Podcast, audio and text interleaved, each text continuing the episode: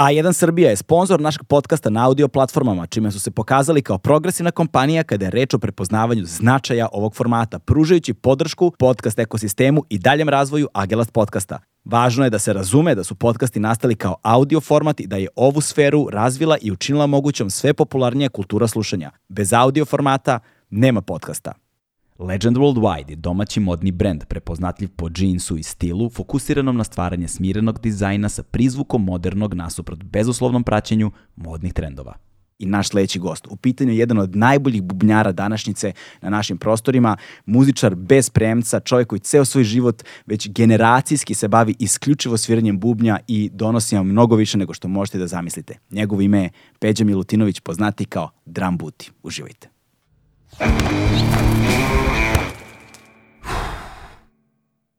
Hmm.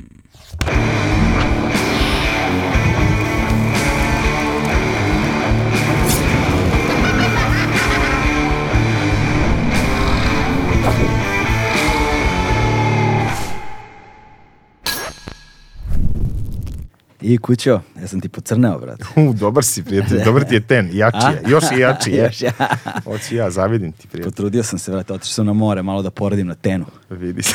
To. Pozdrav, pozdrav za sve kom, komižane. Komižani. Tako je, brate. To, Kako si, kad ćeš ti na more? Evo, planira se, zvao me baš pre neki dan ovaj drugar Borna Pehar, koji je ovaj, iz Zadra Mm. i nešto se pravi neki plan da sviramo tamo u septembru, pa ću ja to da spojim malo business and pleasure. A tek tad?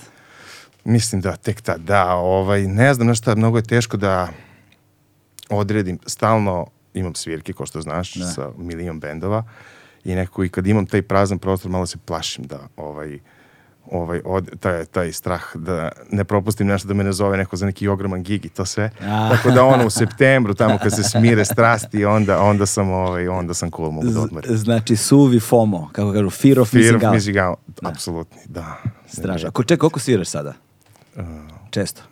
prečesto, svaki vikend sigurno, a ovaj, pa ne znam, mislim, zavisi preko leta, baš bude dosta posla, znaš, ovaj, i sa Bojanom sviram sve festivale velike, sad su i jazz festivali, neki letnji, i to sve, tako da se dešava stalno, bude dva, tri puta nedeljno sigurno. Da, Da, kad- kad- probe, časovi, i sve to što ide, što prati. Kad kažeš sa Bojanom, misliš zapravo na Bojanu Na Vunturišević. Bojanu Vunturišević, Da, da, da. ja sam, mislim da svi znaju sve.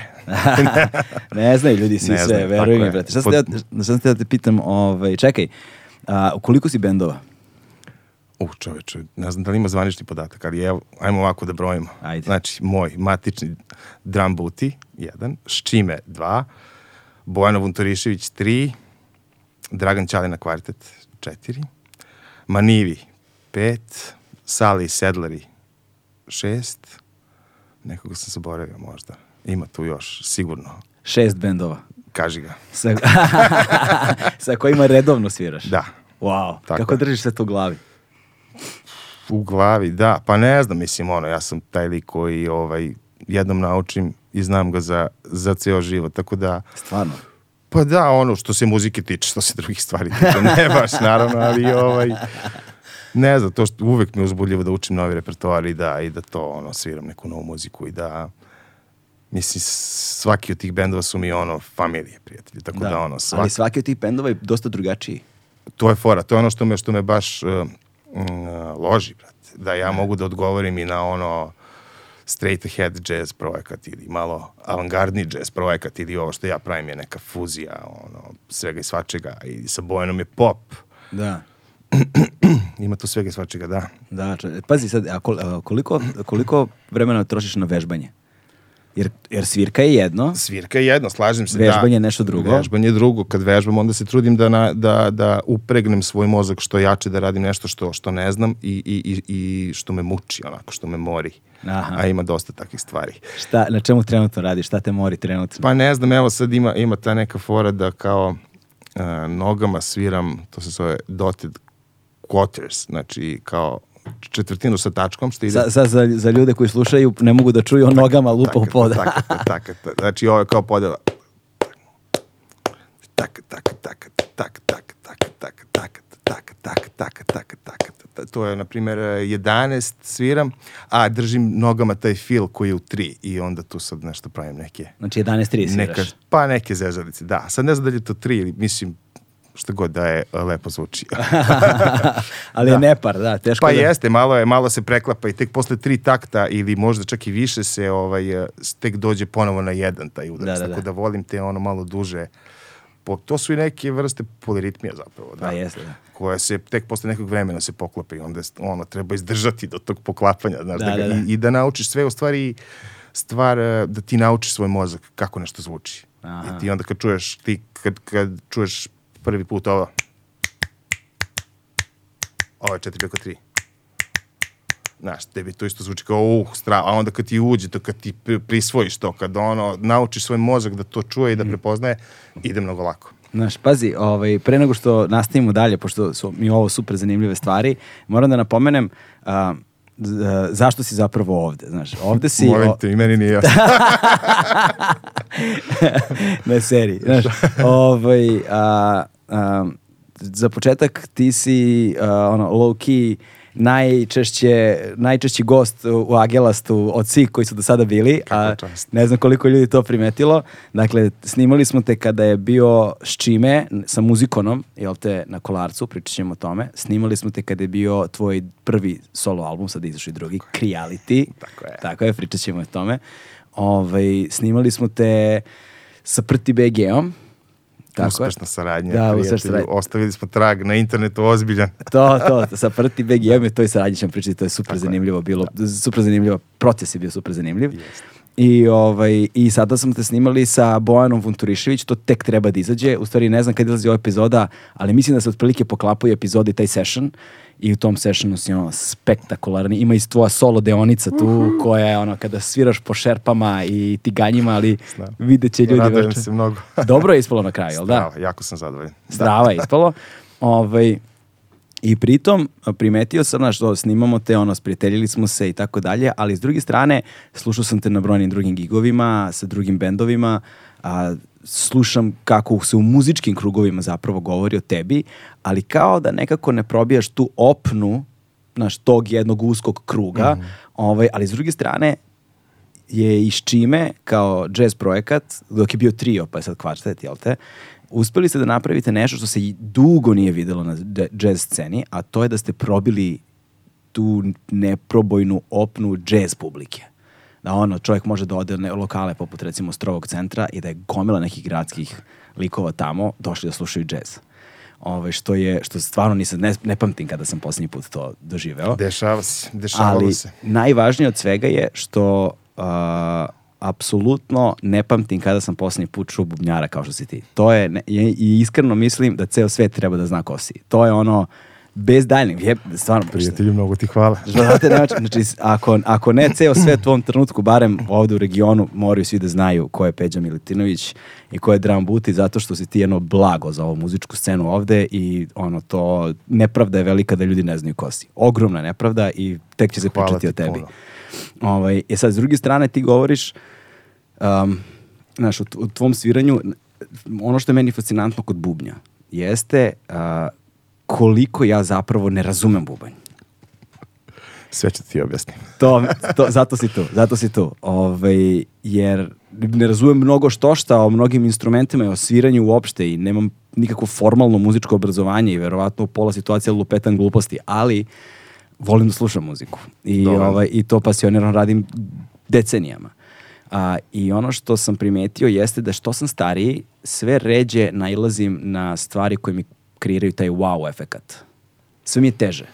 Pa, možda zato što si mnogo toga čuo već, prijatelju. I što si ono kao toliko si izgradio taj svoj ukus i taj tvoj ono, znam kako je meni kad hoću da nađem pesmu koja mi je baš to, ono, mogu bi da je slušam dva dana To. na repeat to, a ređe i ređe se dešava. Sve ređe. Zato što smo slušali već mnogo, a možda i ovo što se pravi sad možda nije toliko baš najsjajnije, a i to, mi nismo više toliko hype i mladi. Mm. Naš ispre, prefinjeniji ukus negde imaš, ali dve stvari koje uvek tražim u muzici, koji mi negde čini mi se kreiraju taj wow efekat, bez obzira na to što ja ne, nemam pojma šta si ti malo pre pričao o tom dotted, kako, Do, e, četvrtina sa tačkom, tako. Da, do- Dotted dot- quarters. Da, tako. dotted quarters, iako nemam pojma šta je to. Ovaj, važno mi je da uh, osjetim nešto što bih ja nazvao oneobičavanjem u zvuku. Dakle, sad ti si naviku nešto da slušaš i znaš, slušam neku pesmu prvi put, ali mogu da predvidim gde pada ritam gde pada, gde je ono, gde počinje refren, znaš, mogu da predvidim. I posle prve strofe i prvog refrena Znaš. već imam, to mi je, to mi je ušlo. Ali, a onda kad čuješ nešto što te izmesti iz tog auto, E, to- automatizacije u slušanju. To se traži. I da se pravi i da se sluša. Mislim, nemam pojma čoveče. Ja, ja stvarno slušam i obožavam i, i idoli su mi najveći Wayne Shorter i Herbie Hancock koji su ljudi koji smatraju Wayne Shorter kaže ne možemo mi ne, da, da vežbamo nepoznato. Oni uživaju u tome da, pri, da se pripreme što bolje za taj trenutak kada su na stage kada sviraju da jednostavno vide šta će da se desi. Niko neće da planira ko, znaš, ono, nekako je, to je to uzbuđenje. To u pop muzici teško da može da se desi, jer je sve ciki, ciki, ciki, sve je spakovano, sve je složeno. U nekom džezu isto ne može da se desi. Ljudi sviraju klaustrofobiju, što nekih formi se drže, plaši se, plaši se da izlaze van uh, zone komfora i to sve. E, a ovi ludaci kojih ima još naravno puno, oni uživaju u tome da u toj neizvestnosti, kao raspadamo se, super, to, kako ćemo da se nađemo? I to je to uzbuđenje. I mi sad sa, sa nekim od projekata, sa Štimetom najviše, gledamo gde su granice, kako možemo da ga ono razlačimo, da ga stežemo, da, da, da znamo da se vratimo, ali da možemo da odemo u ludoriju. E sad, to, to me zanima, taj kreativni proces nastajanja. Hajde nekako da postavimo strukturu, ne možemo sada celoživotnu, celoživotno jazz iskustvo da smestimo u jedan podcast, ali stvorio se vremenom taj otklon a, od džeza. I to nisam ja sad izmislio rupu na sakciji i toplu vodu, jel te to je nešto što već decenijama traje. A, I nekako ono što je džez bio kao muzika u jednom trenutku, on, je, on to više nije, on je sada nešto drugo, ali se u toj nekoj novoj transformaciji koja se desila odvojio od, od mainstreama. Prosto jazz više nije mainstream. I ovaj, ima naravno uvek imena pojedinačnih, ali to su pojedinci koji kreiraju određeni hype oko sebe. Muzika kao takva nekako je počela se deli na one koji su jazz publika, to je jedna publika, i druge, ostale. Ovaj, I čini mi se da ljudi na neki način zaziru malo od džeza i od pokušaja da se upu, puste u njega, jer teško se razume. Brojne stvari zahtevaju da se nađete na pola puta. Nije, ne možeš samo da budeš pasivni slušalac, moraš da se potrudiš da razumeš Da šta razumeš, je. tako je. Da Kao i razumeš. sa knjigom, isto kad čitaš, ti znam da, da baš to ovaj, Da. voliš to. I, i, i o, čemu je, o, o, čemu je fora? Ti kad čitaš knjigu, prijatelj, ti moraš da upališ mozak i da zamisliš to, tu priču, taj, mislim, ne moraš ništa, ali da bi doživeo tu knjigu kako treba, ti zamješaš i koristiš svoju maštu. Mislim da tu uh, sa, sa džezom i sa tako nekim muzikama, klasikom isto uh, ti treba ta uh, imaginacija i radoznalost. Mm. Prvo da bi to pri, i da, da bi doživeo, znači ok, za džez Ali postoji Je- struktura kako se rade stvari. zavisi, Školski. misliš, pa zavisi koja je muzika, znaš, Da. to, toliko Ne govorimo o sam- džezu. Ne, mislim, e, na, način na koji vi svirate obično. Znaš, kao da zapravo postoji nešto, neki kostur, nekakav. Koji, Uglavnom. koji kao stoji, oko kog se vrtite. Apsolutno. A onda odatle se grana u šta god. brate. Svašta, ali pazi, sa Štimetom imamo koncept i da nemamo ništa. Znači Ništa. da je ono beli papir. Free jazz. Beli papir, to je free jazz. I onda se slušamo, onda on, slušaš i, i od, kreneš od minimalnih stvari, pa onda razvijaš, pa onda slušaš šta, šta, šta radi drugi, kako, ko je, hoćemo. E, Druga stvar, mi pravimo često te dogovore na probama, mislim, često. Kakve dogovore? Pa tipa kažemo, ajmo sad da sviramo minimalni free, tiho, dva minuta. Ok, šta mu to I dođe? krenemo, Minimalni. minimalni free, pa ja ti kažem, krenuo, to ti je. pa ono, teško da se objasni, ali ovaj, kad, bi, kad bi pustili, uh, shvatili biste. Ali ništa, znači, tiho je. Dobro. I sviramo free, to je znači slobodno, može da radi ko šta hoće, samo treba da bude tiho. Da ne treba duže dva minuta. Celokupna stvar ili svako to je, vas? To, to je stvar, svi zajedno Dva minuta. improvizujemo. Svi zajedno u isto vreme improvizujemo dva A. minuta, sviramo nešto svi zajedno što nema nikakvu strukturu, nikakvu formu, nikakvu harmonsku odrednicu, niti ritmičku.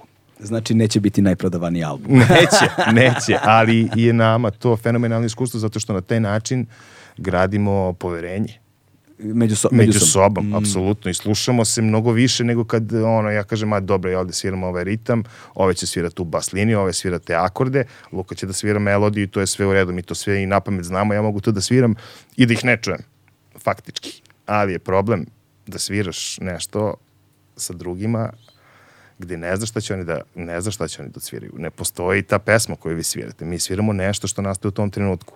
Imamo odrediće da ne sme da bude glasno, ne sme da bude duže od dva minuta i onda vidimo. I onda sad možemo kažemo, ajmo, hoćemo sunce, neko, neko veselje, nešto da bude veselo ili ćemo da bude kiša, mrak, de, depra i to sve. I sad tako biramo. Onda, drugi primjer može da bude brzo, agresivno, ne znam ni ja, traje pet minuta. Znaš, i tako sad te neki, pokušavamo da izvlačimo te, znači nećemo da sviramo vi- iz nota, hoćemo, znači pišemo, pravimo pesme i to sve, ali hoćemo da imamo još jedno oruđe koje možemo da koristimo za te međudelove između pesama, koje možemo da, da, da spajamo pesme, gde sviramo totalno totalnu improvizaciju, to se zove free jazz. Mislim, I sad, što to više vežbaš i što više želiš da uđeš u to, mislim da je sve, sve bolje i luđe i više možeš da manipulišeš ti kao tim, tim osjećajima i da praviš tu zvučnu sliku koja te asocira na ono tugu, kišu, depresiju, nešto, ne znam nija. Ili pak da bude neko veselje ili nešto. Znaš, i tako te neke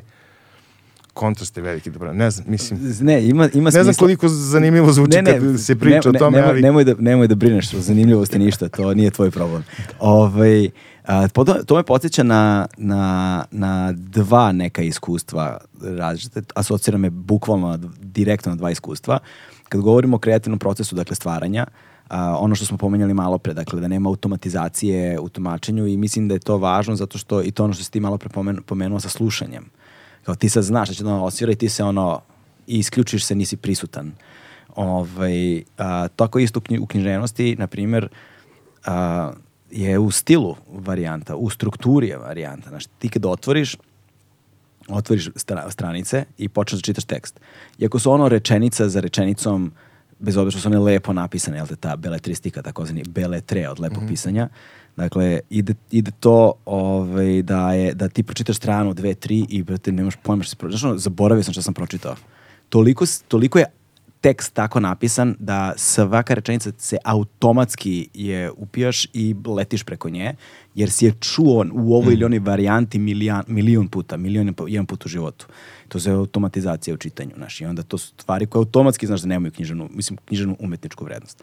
Ali onda otvoriš nekoga ko se potrudio oko stila, znaš, i, i samo zvučanje rečenice ti je već malo drugačije, pa onda je struktura pomerena skroz, znači prenosi se značenje, ali je otežan put do njega. I onda sad zahteva, dragi čitovače, uh, Da čitaš između redova. ne samo Kao, ne pa između redova, da, nego ne. sa- sama bukvalna rečenica. Znači šta je ovde napisano? Sad se Da, ti uključiš da bi razumeo ono što je moglo da se napiše na drugi način. Ali postoji razlog zašto nije tako. I odjednom si ti uključen. Tako je. Naporno je. Za takvim knjigama se 100 strana pređe za tri nedelje. Ali imaju o- e- efekat posle toga kad ti se, Kako ono, ne? ti si se, s- s- proživeo si je. Tako je, tako je. E, a druga stvar je, uh, kada sam, ovo o čemu pro- pričaš, me podsjetilo na trenutak kada smo, uh, kada sam prvi put išao u Americi na, uh, bili smo u Čikagu, išli smo u lokal koji se zove Green Mill, koji je zapravo bivši, bivši Caponeov lokal, Al Caponeov lokal, gde je on zapravo ilegalno valjao piće i čuo sam, ne znam, ne znam da li istina, sam čuo da postoji takav vis je zapravo sa druge strane, ne znam koliko kilometara da ima tunel između njih dva povezani, jer kada dođe Murije, ovi švercuju kroz tunel na drugu stranu. U svakom slučaju lokal je ostao tako stari, old school i tu se dešavaju improv večeri. A, ali improv večeri koje imaju ono stand-up, improv, slam poetry, improv i tako to. Wow. I ja odlazim jedno večer na slam poetry, te slam poeziju. Ovaj, I uh, slam poezija je tamo na strahovito visokom nivou. To je performans ozbiljan, ozbiljan nastup. I sad oni imaju već žiri ljudi koji su izabrali ono finaliste i sad ti finalisti oni se u skladu sa svojom poezijom koju su pisali oni se kostimiraju, oni glume, on niko ne drži papir i telefon, svi Da, to da, znaju na pamet, to je naravno. sve. Ovaj, oni, I sad oni izlaze na binu, a na bini je bend. Trio je neki na bini, mislim da je to, da je samo bubanj, bas, gitara, otprilike, mislim da je to I klasična, gitara, da, da, da. klasična trojkica. Ovaj, I a, on, pesnik ili pesnikinja koji izlaze na binu a, imaju, imaju pravo da daju dve reči bendu. Kao asocijaciju. Šta Tako je. On mood. Tako je, tako je. I onda oni kažu, na primer, sad rain. I onda oni sednu Ono. i i sviraju, i, ali da. svora je u tome što meni je to, meni od svega sve je bilo fascinantno, ali, ali najfascinantnija stvar u te večeri mi je bilo to. Da ja čujem Strava. Oni, kako im oni daju cue, dve reči i onda oni nešto se pogledaju ovo i krenu. I tačno dobiješ tu atmosferu, kao Ali wow. pazi koliko to zanima zato što su oni rekli za to. Da nisu obratili pažnju, da nisu skrenuli pažnju, da to nije bilo javno. E, ljudi, svirajte. Da, sve je javno, sve je ono To public. ti kažem, ti si onda, da li su ti ono hin, da li su ti kao, Publi- kao "A, publici." razumeš, kao dobro, dobro, kiša, ovo stvarno zvuči tužno. Onda ti pokušavaš da, da nađeš to, je. da prepoznaš to. I ti se kao publika uključuješ. Što je super fora. Zapravo, znaš, možda bi mogla se primenjuje ovde. Mogli bi da najavljujemo, a sad ćemo svirati free koji je tužan. Ne svi, nego, nego je fora možda publika da dobacuje, kaš, dajte nam, ono, dajte dajte, nam. nam, et- U, wow. atmosferu i emociju. Tražili bi narodnjaki si lud. Ali, ajde sad, ajde, hoćemo narodnjacima, znaš, i koliko je tu dobre muzike. Mnogo. To doći ćemo dotle, molim te. Znači, znači tu je jako puno dobre Da. muzike. A1 je prvi prijatelj audio izdanja Agelast podcasta. Ovaj, I to mi je, i sad me to podsjeća na ovo što si rekao. I negde se vraćam na ono da ja zapravo ne razumem mnogi instrumente i muziku, bubanj najviše među njima, najveća mi je misterija bubanj. Ovaj, I onda šta ja radim na YouTube-u? Na primjer, sednem i onda gledam druge bubnjare koji pričaju o drugim pesmama. Na primjer, zgotivim neku stvar i onda pustim nekog poznatog bubnjara koji reaguje prvi put sluša. Jako je sticar. Pa, znaš, a, za, znaš jer, jer, jer tako dobijem, da, ali, o- ali ono što oni, kad vidim na šta oni reaguju, ja problem, ja ništa nisam tu čuo. Znaš, kao, znači oni reaguju na stvari Da, da, kojima da, ja ne znam ništa. I tu mi se zapravo otvara taj prazan prostor koliko ne razumem bubanj. Istrenirane uši su prijatelju blago.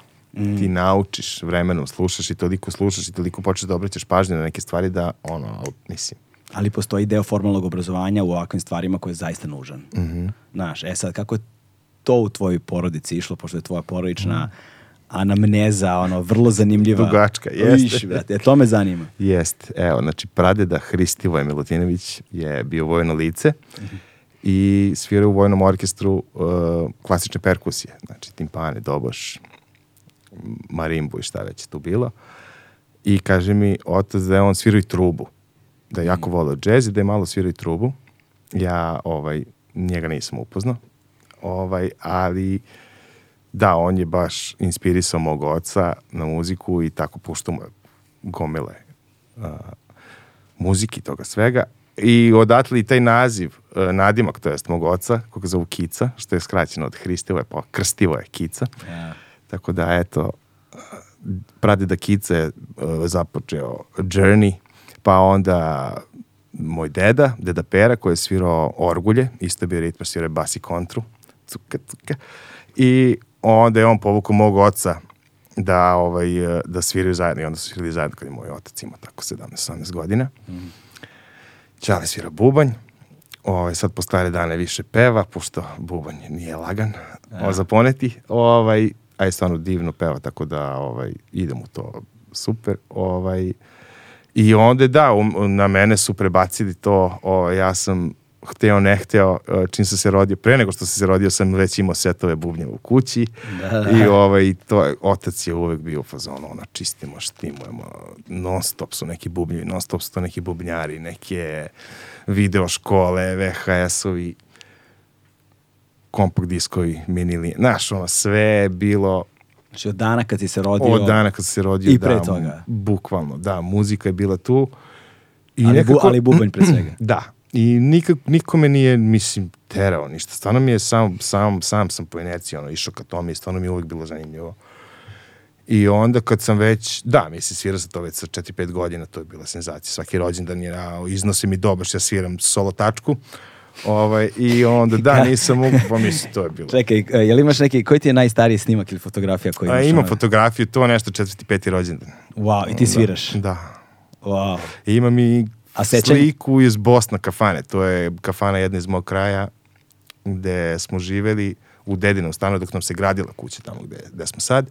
Čekaj, ti si iz Kragujevca, ja to sam iz nismo rekli. Kragujevca, tako je. Ovaj, šumadinac. Ovaj, I tu blizu tog stana je bila Bosna kafana gde je deda i svirao i bleo tamo prosto ono, naš kafana gde se skupljaju ljudi, muzičari, šta god. I mi smo tamo dolazili ko, ko, klinci, deda me uvek vodi na, na ćevape i pušta me da umačem prst u pivo. ovaj, I onda tamo, pošto bude tamo neki ispraće, neka svadba, nešto, razumiješ, da se desi, onda sad možda moj čale svira i onda me puste, onda ja sednem malo, ne mogu da dohvatim pritom pedale od bas bubnja, razumiješ, i onda ta čale me stavi u krila, on svira noge, ja sviram gore, ono, 3-4 godine sam imao. Wow. Da, sesta starija me vodila, seća se da sam, jo, to je bilo vreme, prijatelju. Slušam. Da, to je bilo vreme. I ništa, onda to, to kad sam malo porastao, 6-7 godina, onda sam to počeo da vežbam. Ćali mi je dao neke stvari malo kao da vežbam, malo da, da, da, da smiram nešto smisleno, jel?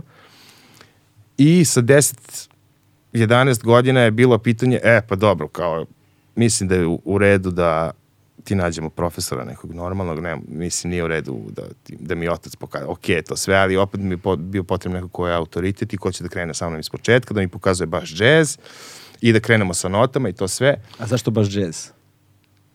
Pa zato što je to, mislim, zašto baš džez, ne znam, moj otac je ovaj, veliki fan džez muzike i onda je on nekako uvek hteo da, da ja ne, ne budem na tom nivou na kom ja mislim da se ograničim na to da sviram samo komercijalnu muziku ili da to bude samo ne znam ja šta koji nivo, nego stvarno je hteo od mene da kao probamo da, da, da, da napravimo tu mislim, džez je zaista vrlo zahtevna muzika i nekako da, da svi kad sviraš džez na svom instrumentu, mislim da, da možeš da odgovoriš na dosta drugih muzika samim tim što si se kao toliko posvetio džezu. Mm. E, i mislim da odatle sad, mislim, jes malo čudo da ono dete sa 10-11 godina ideš, voziš u Pančevo ovaj, kod profesora za, za džez bubanj. Iz Kragujevca? Iz Kragujevca, da. Koliko puta nedeljno? E, jednom mesečno. A jednom mesečno? Jednom mesečno. Odemo kod Duci Ivaniševića, mog profesora iz Pančeva. Ovaj, on otvori knjigu Jim Čepina, koja je knjiga za, za, za, za jazz bubanj. I da, nađemo tri vežbe, on mi pokaže kako ide, ja probam to da, da, da ponovim, malo se mučim, ali kao uspem nekako i on kaže, e, dobro, ok, za ne, mesec dana vežbaj to, dođite za mesec dana i to je to. I onda ja imam tu sreću da ovaj, mi je tata isto bubnjar i da on može da pročita te note i da može da kontroliše to što ja radim. Pošto sam ja klinac u tom trenutku i pažnja mi je, mislim, ne postoji. Da, da, da. Borimo se sa Ovaj, njome i sada, a ne da, tada. kamoli tad. Da, tako da je Ćale bio o, kontrolor, što je ogromna prednost u mom slučaju. U svačem slučaju, znaš, kada, kada ti ne možeš da ima dosta roditelja koji nisu u muzici i onda i deca kažu da nešto sviraju, da vežbaju, oni nemaju pojma, ne mogu da, da iskontrolišu to i onda ovi odrade to i kao to na kraju ne bude baš dobro. E, ja nisam, ja imao sam drill da ono bilo je druži, može sve, sat i po vremena vežbamo zajedno, posle toga idi vozi rolere, biciklu, futbal igre, šta radi, šta hoćeš, ne interesujemo. Ali sat i po vremena moramo to da radimo i to je to. I meni tu u početku bilo strava, sve super, dok nisam shvatio da drugari idu tamo, ono, već u 10 ujutru idu svi na bazene i to, i onda sam vidio sam, oh, moram da vežbam. Ali mi je usadio tu, tu radnu naviku i, i mislim da je to izuzetno važno. Da stvarno i dalje imam taj ono drive, volim da, da vežbam, volim da ono čačkam stvari koje ne znam i to sve. Nego da se vratimo na priču, da, da Pančevo, ja imam 10-11 godina, putujem jedan put mesečno kod eh, profesora Duci Vaniševića, Ćale me kontroliše, to sve ide kako treba i da, u tom periodu sam već počeo nešto da sviram sa drugarima e, imali smo tribute band Kissu. U, je. Zvali smo se Vus. Da.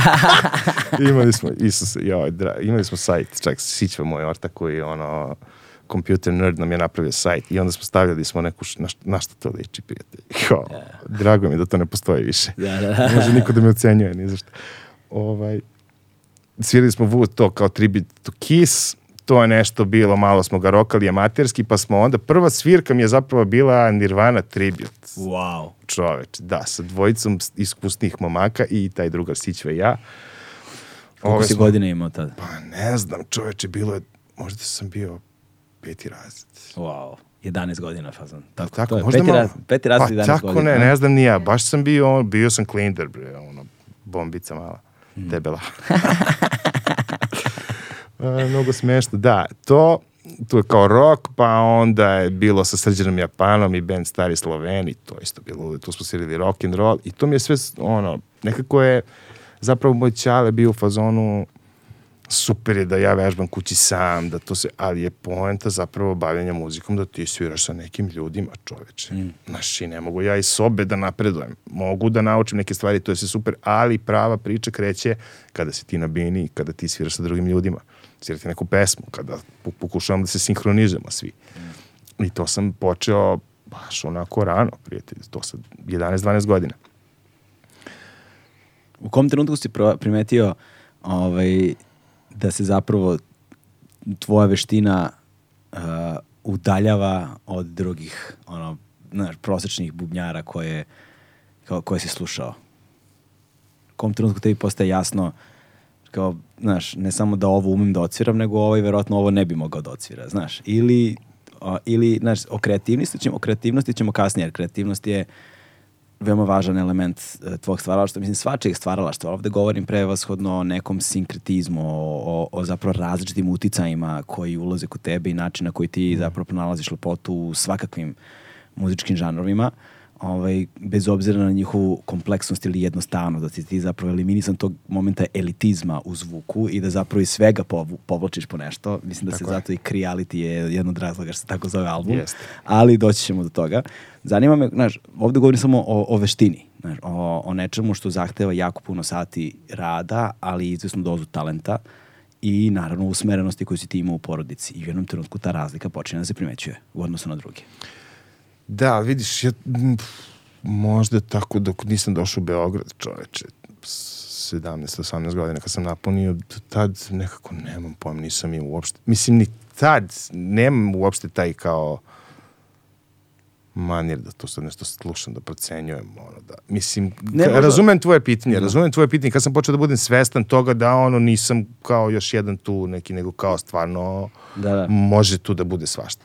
Da to može bude ozbiljna karijera, Da, životni poziv. da. Znaš. Pa, Da si ti zapravo tom bubnju posvećen više nego što primećuješ da ljudi oko Pa mislim, sebe, pazi, evo sad i kako ide nastavak priče. Do, nastavak priče je sledeći. Znači, posle tih rok pokušaja svih tih ono, projekata koji su bili faktički humanitarni, ove, Ćale u jednom trenutku rekao, znaš šta, evo ovdje ima jedan band, sviraju folk, turbo folk, svadbe, ovo ono, ti, ko što vidim, bubanj ti ovaj ok, ali kao mogu bi kupiš bolji, fali ti malo iskustva, evo ti prijatelju, izvoli, radi, ja ću te preporučim, ako prođeš, sviraćeš.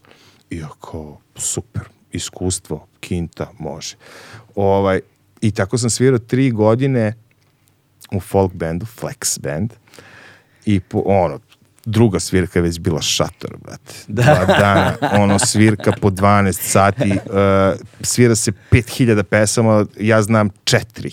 Da, da. Basista, ono, se lomi da mi objasni koji je ritam i to sve, i to je ono, haos jebe, znači, bilo je ludilo.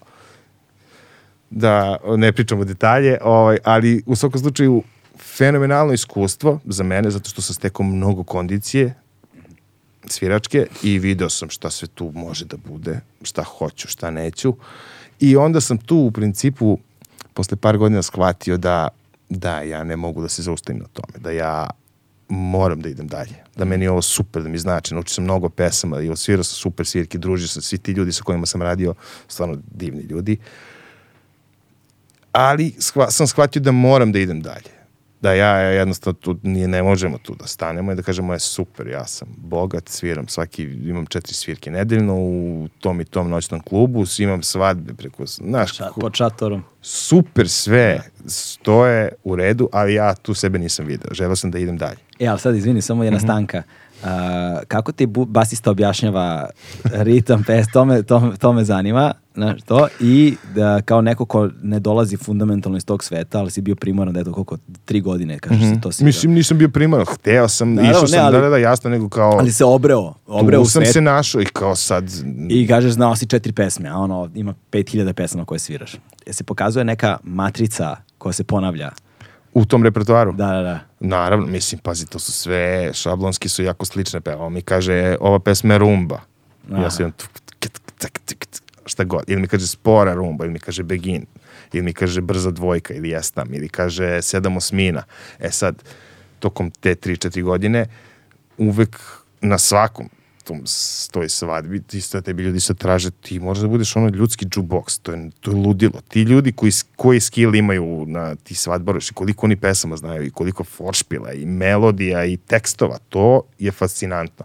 Da. Ovaj, uvek se desi da postoji neka pesma koja ima promene ritma. Znači, na primjer, sad foršpil ide u, u rumbi, pa onda u strofi je sedam osmina, pa ono, refren je pola rumba, pola dvojka. I tako menjaju se, i, bilo pravili su neka te zahtevne pesme gde su mogli tako da se, da se zezaju i onda sad ti ako ne znaš tu pesmu, najebo si. Da, u problemu si. Najebo si ovaj, ono, basista odmah vidimo ono kad ne može da mi objasni, razumeš, ono, ovo mi kaže koji je ritam, pa imaš tajku, pa ovo, ovo kad vidim da ne može da mi objasni, znači da ono, brate, idem kući da slušam pesmu, da znam za sledeći put. Da, da. I uvek sam to radio, zapisivao sam, tražio sam sve te pesme koje imaju te aranžmane koji su sumanuti. brate. I sve to znam dan danas. Jer sam ono bio u fazonu kao, čekaj, sviram to. Hoće da bude neka pesma koju ne znam. Neće, brate. Čekaj, znači ti ono- stvarno imaš tu veštinu da pamtiš te, rit- sve to. Pa da, ostalo. ono, krenemo od teksta, krenemo od melodije, kre, ima tu gomila stvari po kojima ti možeš da zapamtiš nešto, je li tako? Mm. Da će to biti melodija ili neka reč ili nešto, ili ko peva ili šta kako, ili koji je ritam.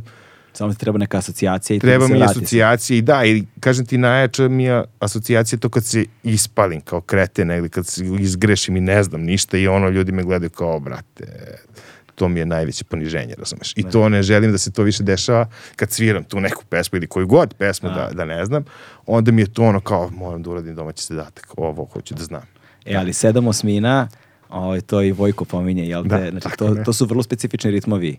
Ovaj, znam da makedonski ritmovi furaju sedam osmina. Šta smeš? Smijem se, sjetio sam se Dragoljuba Đuričića koji je pričao, nije lako, ne, ne kaže, nije problem ovaj, sa tim neparnim ritmima 9, 11, 13. Problem je sa 7 osmina, 5, kad se oduzima. kaže, nije problem kad dodeš, problem je kad se oduzima. Zašto? Legenda. Pa mislim, njemu je bio problem. Meni A, njemu. Da, da, da, da, on, to je neka njegova teorija, ne znam, meni je isto, brate. Sve je teško. Da, da, to nas eto vodi možda, evo, dolazi- dovodi do narodne muzike kad smo već, kad smo već dotakli i do tog blaga koje zapravo se, se tu nalazi, ali koje nažalost, jer je tržište tako kakvo je, ostaje duboko zakopano ispod površine. Naravno, publika za to je velika, postoji, ali ni blizu onome što je komercijalna mainstream muzika koju mi znamo danas, koja je negde sve bliže popu zapravo, to je neka fuzija nekog popa i folka i šta ti ja znam, turbo folka i slično. Ali Turbo šta je, tebi, šta je tebi od te ono, a, te narodne muzike najgenijalnije ili gotivno nešto što bi naši ljudima pomenuo i, i objasnio zašto je to muzički važno. Pa ima više stvari. Ajde da krenemo od folklora možda Da. za početak. Ja sam imao tu čast da me, da, to nisam ni spomenuo, ali u svakom slučaju kulturno umetničko društvo Kud, da. KUD eh, SKC u Kragujevcu. Aha. Sa njima sam svirao, Ćale, moj, moj tata je svirao doboš, a ja sam svirao bongos i mi smo bili članovi ritam sekcije tog kuda i tamo za početak imaš te igre koje su ovaj, i, i koreografije, te numere koje su sve instrumentalne i koje su tako, ima tu i neparnih, imaš sad eh, vranje, pa onda imaš neku šumadijsku dvojku, pa imaš ovo i ono.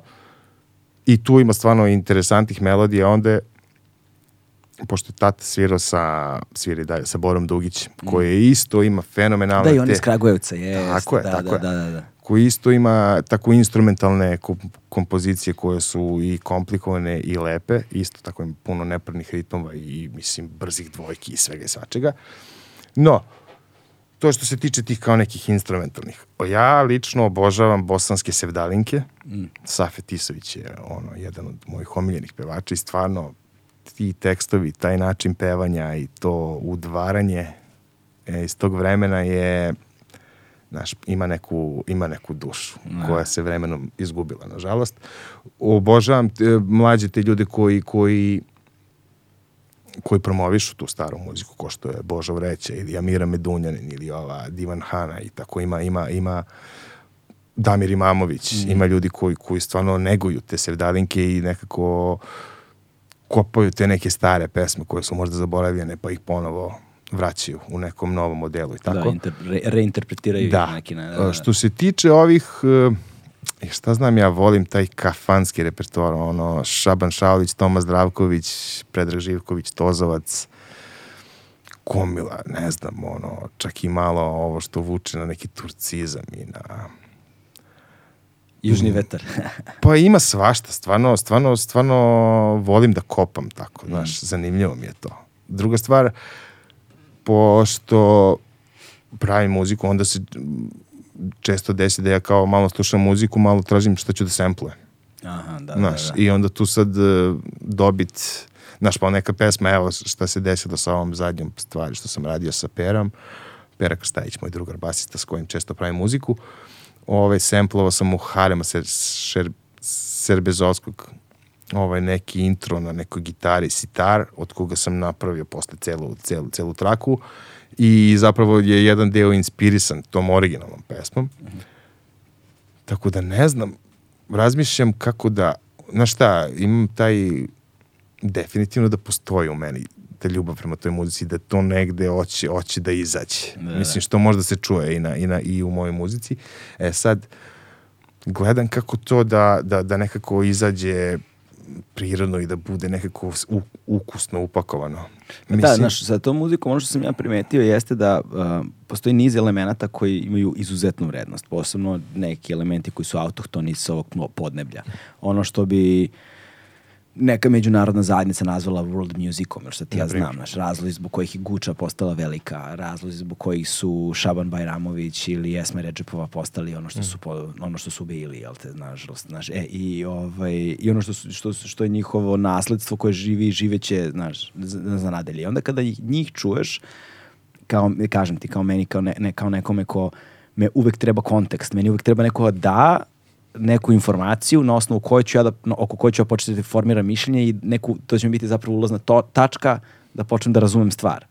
Ovaj, I onda mi tako, i onda mi puno znači recimo kada uzem njihove pesme da ih stavim u neku playlistu međunarodne muzike. I onda ih čuješ kao neku juksta poziciju, kao kontra, kontrast u odnosu mm. na to. Ili recimo kada pustim KXP da slušam, koju obožavam. Ovaj, I onda na KXP-u kada čuješ Esmu, Esmu na primer, u repertoaru muzike koju oni prave, odjednom počinješ da vidiš neku vrednost i da kao reflektor neki mm. osvetljavaš toliko poznatu stvar da je došlo do automatizacije u njenom tumačenju, wow. ali je sada vidiš iz, kroz oči strane publike. Jako ste dobro rekao, da. Znaš, I odjednom počinje da sija nekim sjajem o kojem nikada nisam razmišljao samo zato što je celog života tu prisutna. Ma čoveče, taj šarm, ono, ti ljudi, tamo kako su oni došli, ovaj bubnjar treši, ono, da. znaš, ja kad sam vidio taj styling, a bubnjar to, način, to je autentik, to smo mi, bro. pritom nisu sad ono najtajt, razumiješ, da, da, znači da. to su ono kafanski svirači koji se tu se jurimo, sad ćemo kraj ovako, ćemo kraj onako, ne. što je preslatko. Da, da. Razumeš, ti ljudi su tu došli, to je to, brate. Ali su ozbiljni svirači. Šta, bre, da. pokidali su. I najjače kada ovaj, ovaj pita jedno, o čemu je pesma, recimo da sam ja napisala. to, to nema veze s odgovorom. Da, da, da. da Mnogo da, smešno, sviđa mi se da, to. imali su prevodio to sve da, vreme, da, što da, je da. potpuno fascinantno. E sad da se vratimo mi malo nazad na, na, na tebe. Dakle, uh, je tribut Nirvane, jel te, to je, to je, to je, to je, početak, to je, početak, ja mislim prvi, da. To je početak i onda ti si, ti si prolazio kroz formalno muzičko obrazovanje sve vreme, ali tako? Manje više. Šta to znači? Pa završio sam nižu muzičku. problem, da, najnoviji izgovor zašto nisam završio školu je ovaj, e, u Kragujevcu u tom trenutku, kao i sad, nema muzičke e, škole niže za udaraljke. A nema ni srednje za udaraljke. I onda sam ja išao tako u neke škole dok nisam upisao nižu muzičku u Beogradu, kad mi je već bilo vreme za srednju zapravo.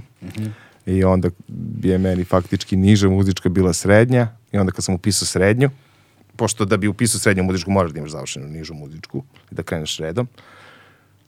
I onda to kad sam upisao konačno tu srednju muzičku, već sam bio pet godina stariji od svih ovih mojih vršnjaka, mislim tih iz, iz učionice drugara i uveliko sam počeo da sviram do 4-5 ujutru svaki vikend i nekako mi se nije dalo da idem u školu, prijatelju. Da. Mm, Žao mi je zbog toga, ali jednostavno je tako bilo. Istina. Istina, da. Nekako sam prihvatio to da mi je praksa najbitnija. Mm.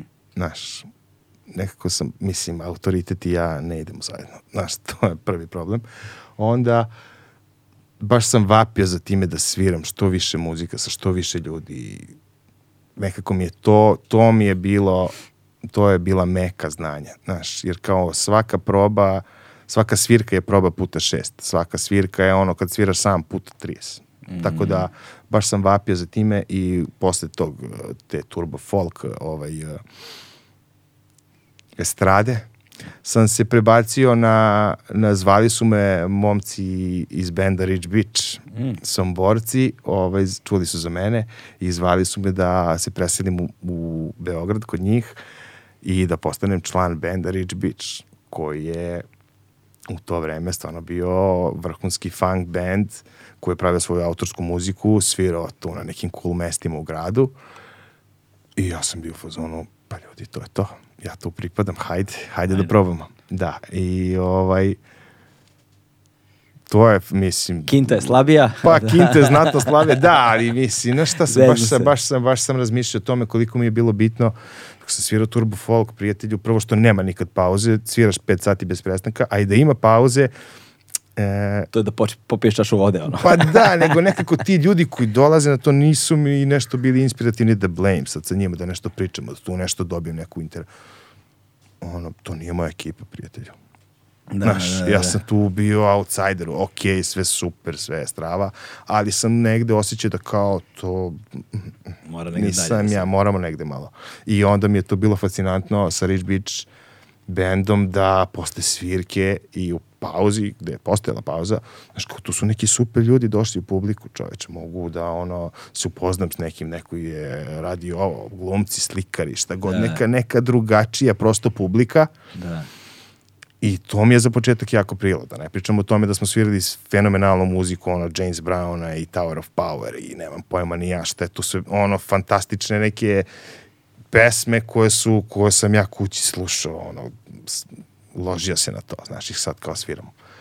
Tako da mi je to stvarno, stvarno mi je značila ta promjena i nekako sam malo, mm, ne znam, malo su me obrusili kako treba Da. ti momci. Ali s druge strane, ovaj, nastavio si redovno da vežbaš, što je jako Apsolutno, važno. to je skill koji, mislim, to, to nema veze sa tim, sa Da. time zapravo koliko, mislim, sad u zadnje vreme ima veze sa tim koliko sviram, jer stvarno nekad ono sam u fazonu čoveče, ide mi su, ali ne mogu više, ono, kao stalno, samo to, ono. Prošle nedelje sam imao čoveče šest gigova u tri države, ono, ponedjeljak, utorak, sreda, pauza, četvrtak, petak, subota.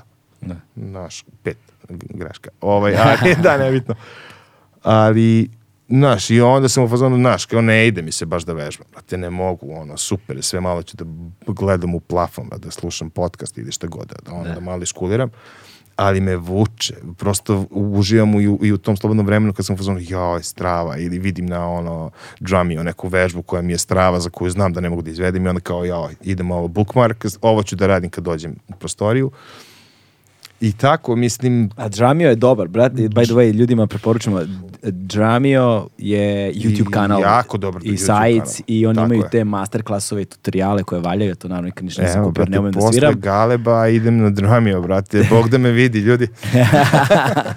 Tamo sam se ja upoznao sa Larnell Lewisom i sa, sa, sa svime time. Znaš, ja sam recimo muzika poput Snarki Papija je nešto što bih ja ovako slušao i to bi uglavnom prošlo pored mene, ovaj, dok mi neko ne bi dao kontekst. E, to je ono što je meni neophodno. Znači, daš mi kontekst i onda ja se ukačem za to, pa počinjem da odmotavam mm. klupko, da razumem i otvore mi se novi svetovi.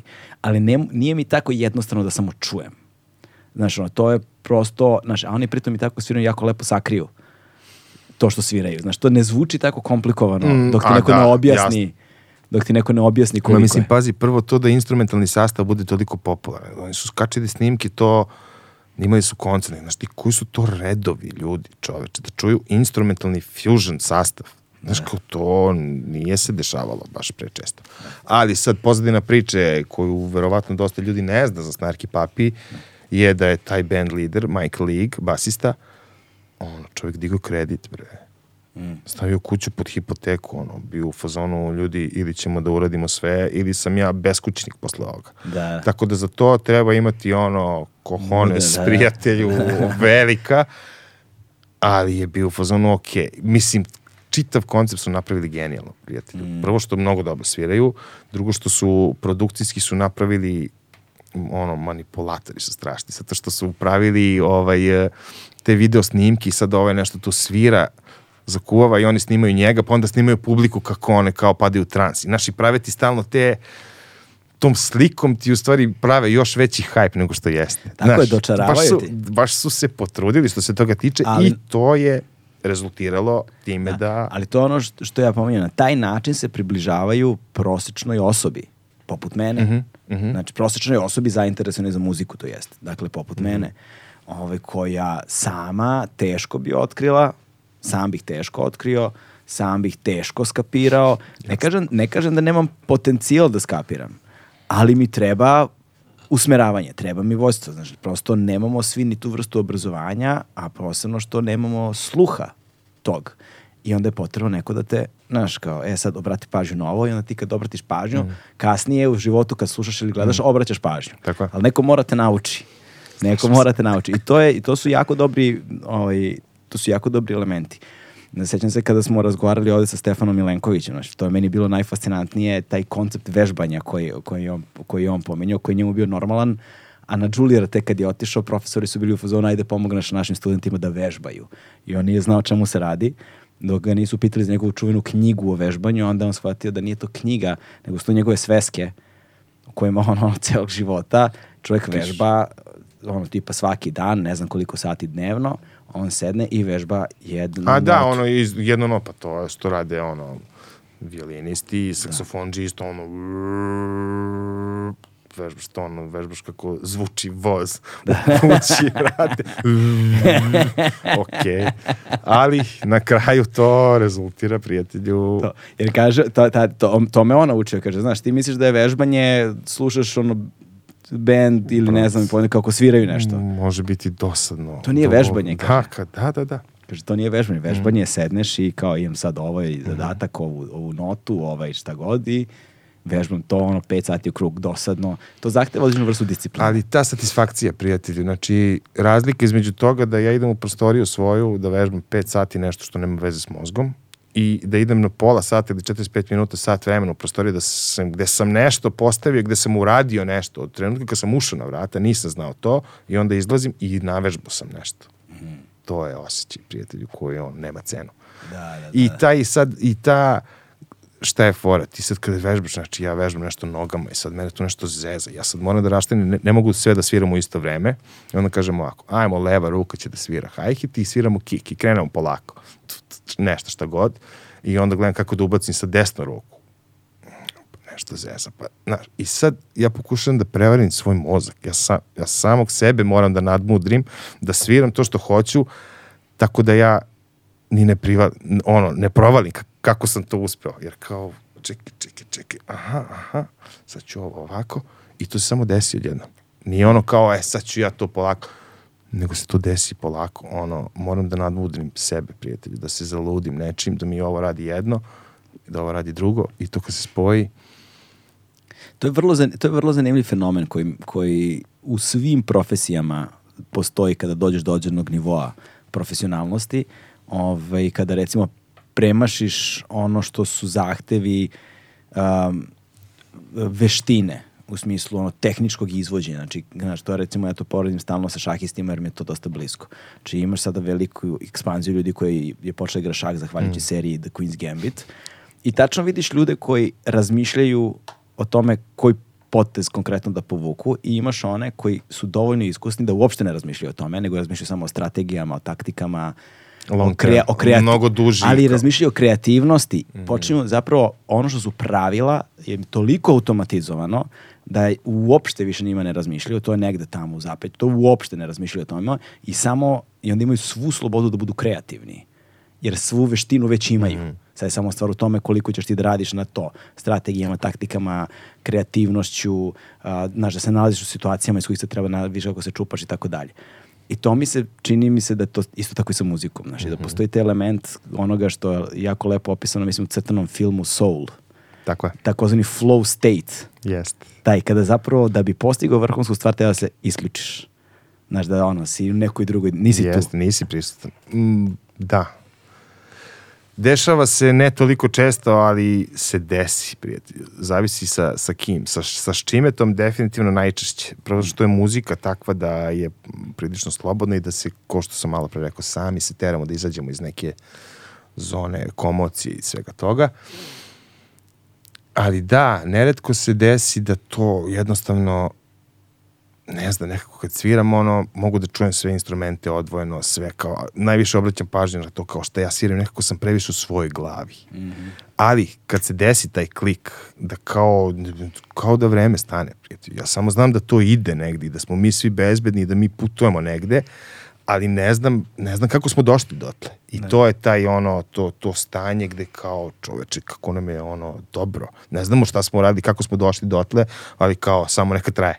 Da, da, da, da, da.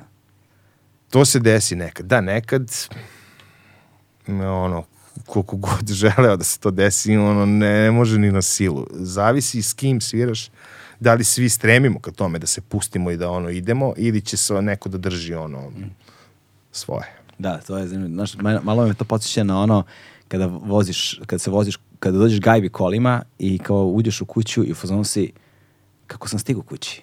da, kao čoveče. Znaš, znači, da li sam prošao kroz crveno da, da. svetlo na semaforu, da li, kojim sam putem došao, Nemaš nemam pojma. pojma. Kada je to neka radnja koju ponavljaš toliko puta da prosto na autopilotuje.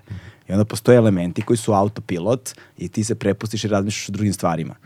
Znaš, i sad, a opet se nekako Jeste, ipak mnogo, ali pazi, izvini, znači ne. nikad, još uvek nisam našao tu formulu kako ja da što pre uđem u taj uh, u to stanje uma, da. u stanje uši, čega god, tela. Ono, ne, ne postoji formula, prijatelju. Nema je, samo ne znam kako dođemo do toga. Da, da. da nas muzika toliko, muzika bude dobra, pa nas ona povuče negde, pa nemam pojma. Mm, to je, da, to je... Misterija, još uvek. Da, jeste, ali dobro, znaš, ovaj... Sad Bitno men... da se dešava, ne, ponekad, to mi je drago, da nije ono da, jer kad se desi stvarno je kao da imaš super moć. Malo je... to, to me podsjeća na ovu anegdotu koju je, je Herbie Hancock pričao, je svirao sa Miles Davisom. Da, da, pa čuvena priča da ono, kad je, šta je beše bilo, nešto su svirali, ovaj sad umesto na C otišao na B, šta god. Pogrešio je. Pogrešio je nešto, pogrešio je neki akord i sad, ovaj, pošto Miles svira melodiju, je, on je adaptirao tom akordu koji je Hancock odsvirao i onda kao Hancock shvatio, pa kao sve, zapravo sve u redu, kao ovo nije pogrešan akord. Da. Onda mu je rekao da nema pogrešnog akorda. Ne postoji Mislim, greška. Ne postoji greška.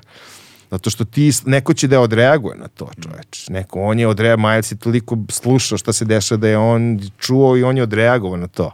Da nije odreagovao, da nije slušao, pff, ne bi bilo, ne bi zvučalo prijatno možda. Ne znam. Da, da, da. E sad, uh, kad smo već pomenuli Milesa, uh, dakle ti, ono, s jedne strane imaš to da, neki deo formalnog obrazovanja, da kažemo zvanično časove na koje ideš. Vamo uličiš u folk bendove, pa je onda tu neki repertoar koji slušaš, pa vamo se uretao sa Rich Beach, pa je tu ulete neki funk, James Brown, ovo, ono ne znam, Herbie Hancock, ne Herbie Hancock, nego George Clinton, Bootsy Collins, tako, je, sve, tako to, sve, to, to, to, svašta to, to, nešto, to, nešto, ja se ti kompilacije. Ovaj George Clinton, bre, pa da, da, da, da, funk, to.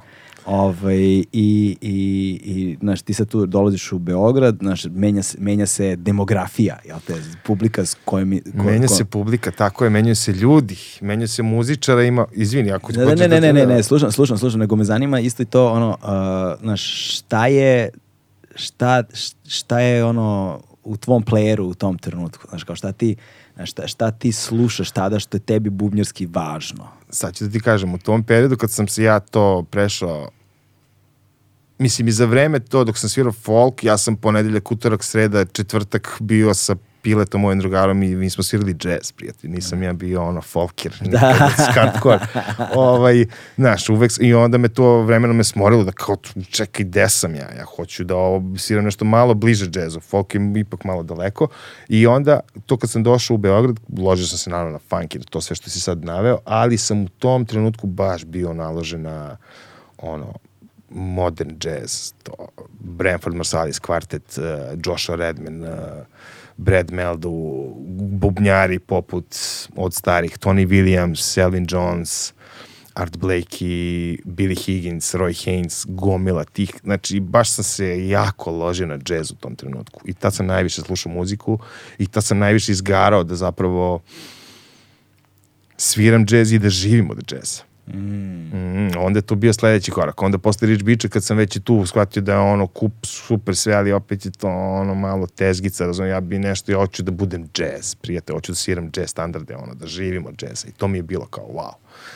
I onda u tom trenutku Branko Marković je bio umetnički direktor i to jest organizovao tamo svirke u Iguani, u jednom jazz klubu, restoranu Ono dole je neka... Tako je u Beton Hali dok je da. bilo, da, da, da. I onda sam mu ja rekao... A to više ne postoji, šta ne? Ne, ne. Aha, okay. Onda sam mu rekao, Branko, pazi ovo, hoću da postanem zvanično jazz bubnjar, hardcore. Znači, ono, neću da sviram ništa drugo, hoću da sviram jazz. Da li možeš da mi garantuješ da ću dva ili tri puta nedeljno da sviram tamo u klubu? Pa može, brate, ajde. I ja, brate, dam otkaz ovima u Rich Beachu. Mm -hmm. Kažem, ljudi, prelazim na jazz. No more funk, nema više oktobra 1864. Nađi mi to, sve u redu, ne želim, idemo samo jazz.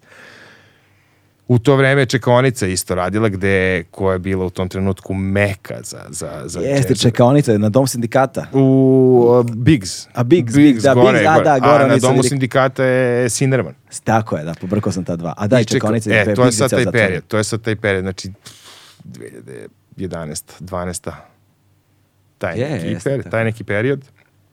To ja prelazim na samo jazz standarde, znači idem tri puta nedeljno u Iguanu. Uglavnom vikendom sviram u Čekonici. I sad ti to pazi ovo, ja sviram 5-6... S kim sviraš tada?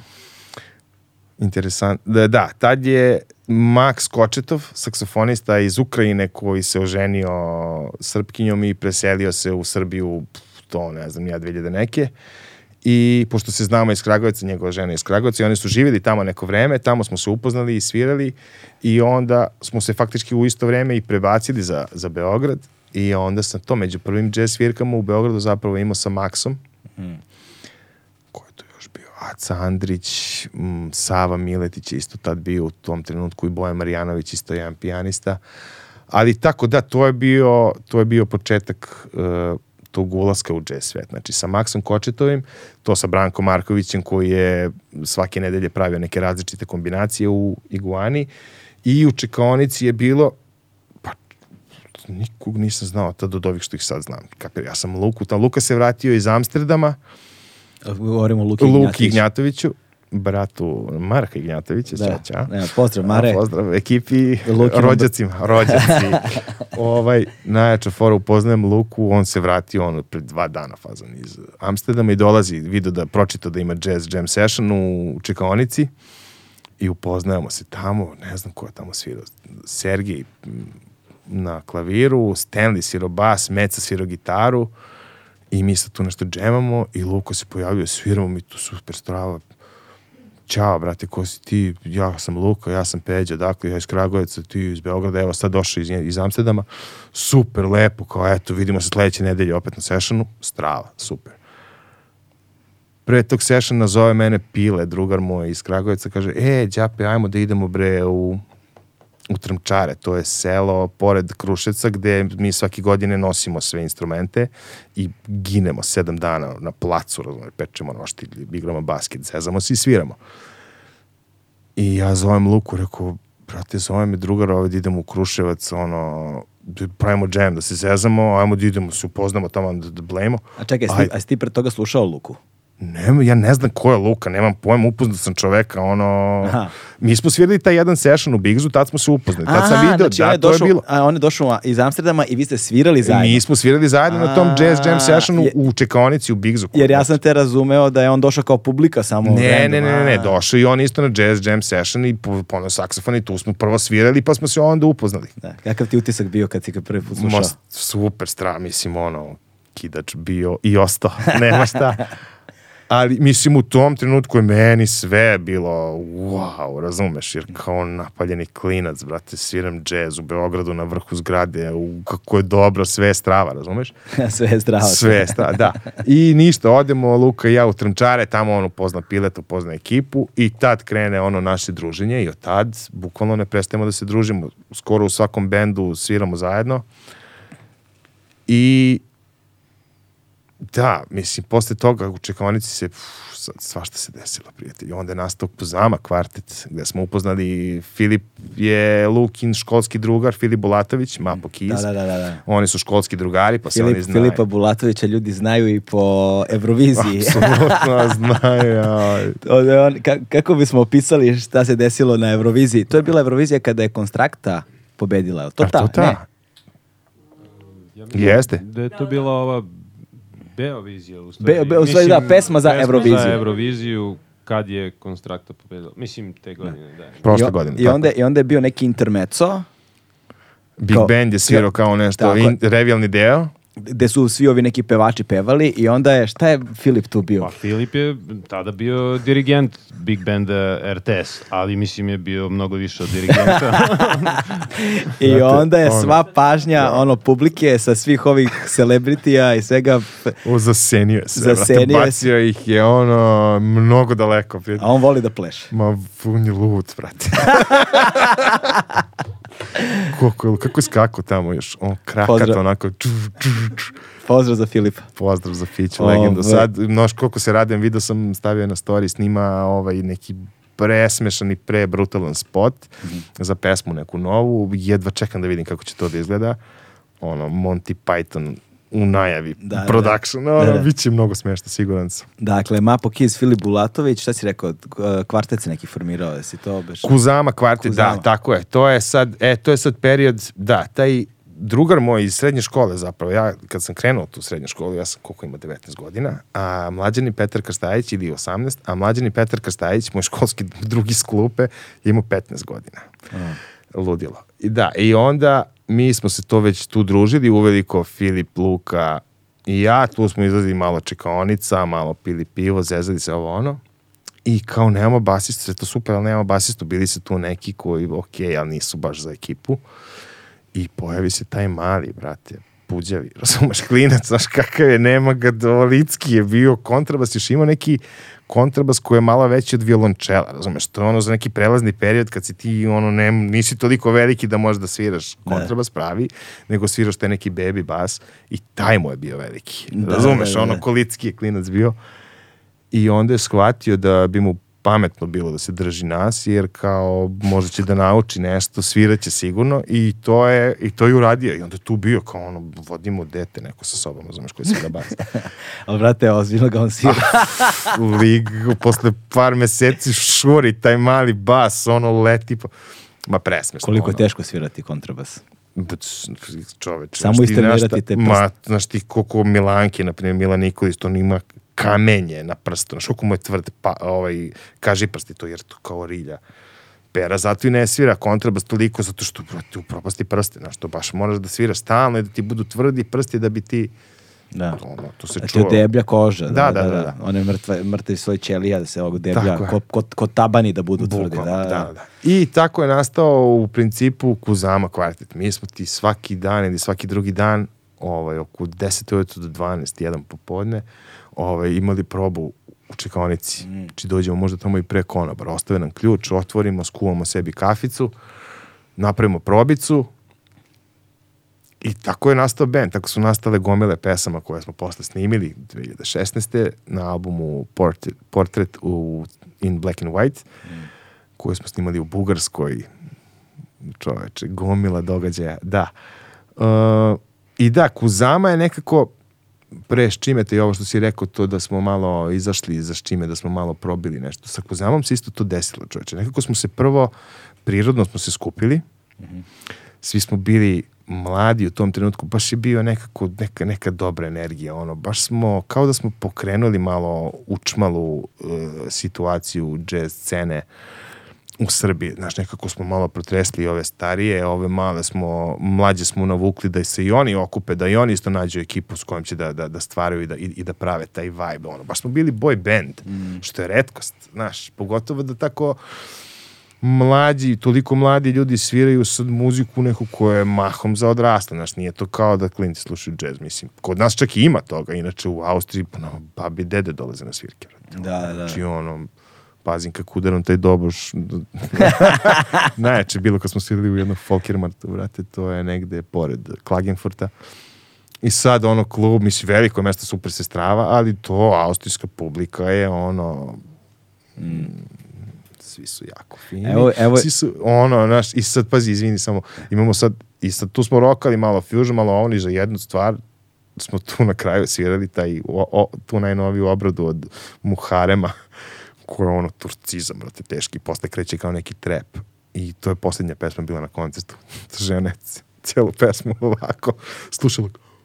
Onda se okreće on svojom mužu kao, šta ovi rade, kao sam, ovo je jazz klub, ovo nije rock, a, a. Tako da su nas, malo su nas hejtovali austrijanci, ali ovaj, mora, mora da se zna kad dođu Balkanci tamo da divljuju, da je to tako prosto. Ga, a, dosta ste svirali po inostranstvu. Ovaj, sad si došao iz Berlina, Jesam. da, što je isto zanimljivo iskustvo koje bi mogao da pomeneš. A video sam neke godine snimke iz Francuske takođe. Ovaj, gde se ta jazz publika pokazala najzrelijom ili kao najotvorenijom za tu vrstu fusiona, da kažemo, koju vi donosite, ono, Pa plus definitivno... free, ono, što jasno. nije opet za svačije uši. Znači, Nije, čak i među jazz publikom. Slažem se. Evo, definitivno ono gde smo svi bili u šoku koliko je publika bila prisutna je definitivno u Parizu. U kulturnom centru Srbije na festivalu Jazzy Colors gde smo bili prošle godine u novembru ili decembru.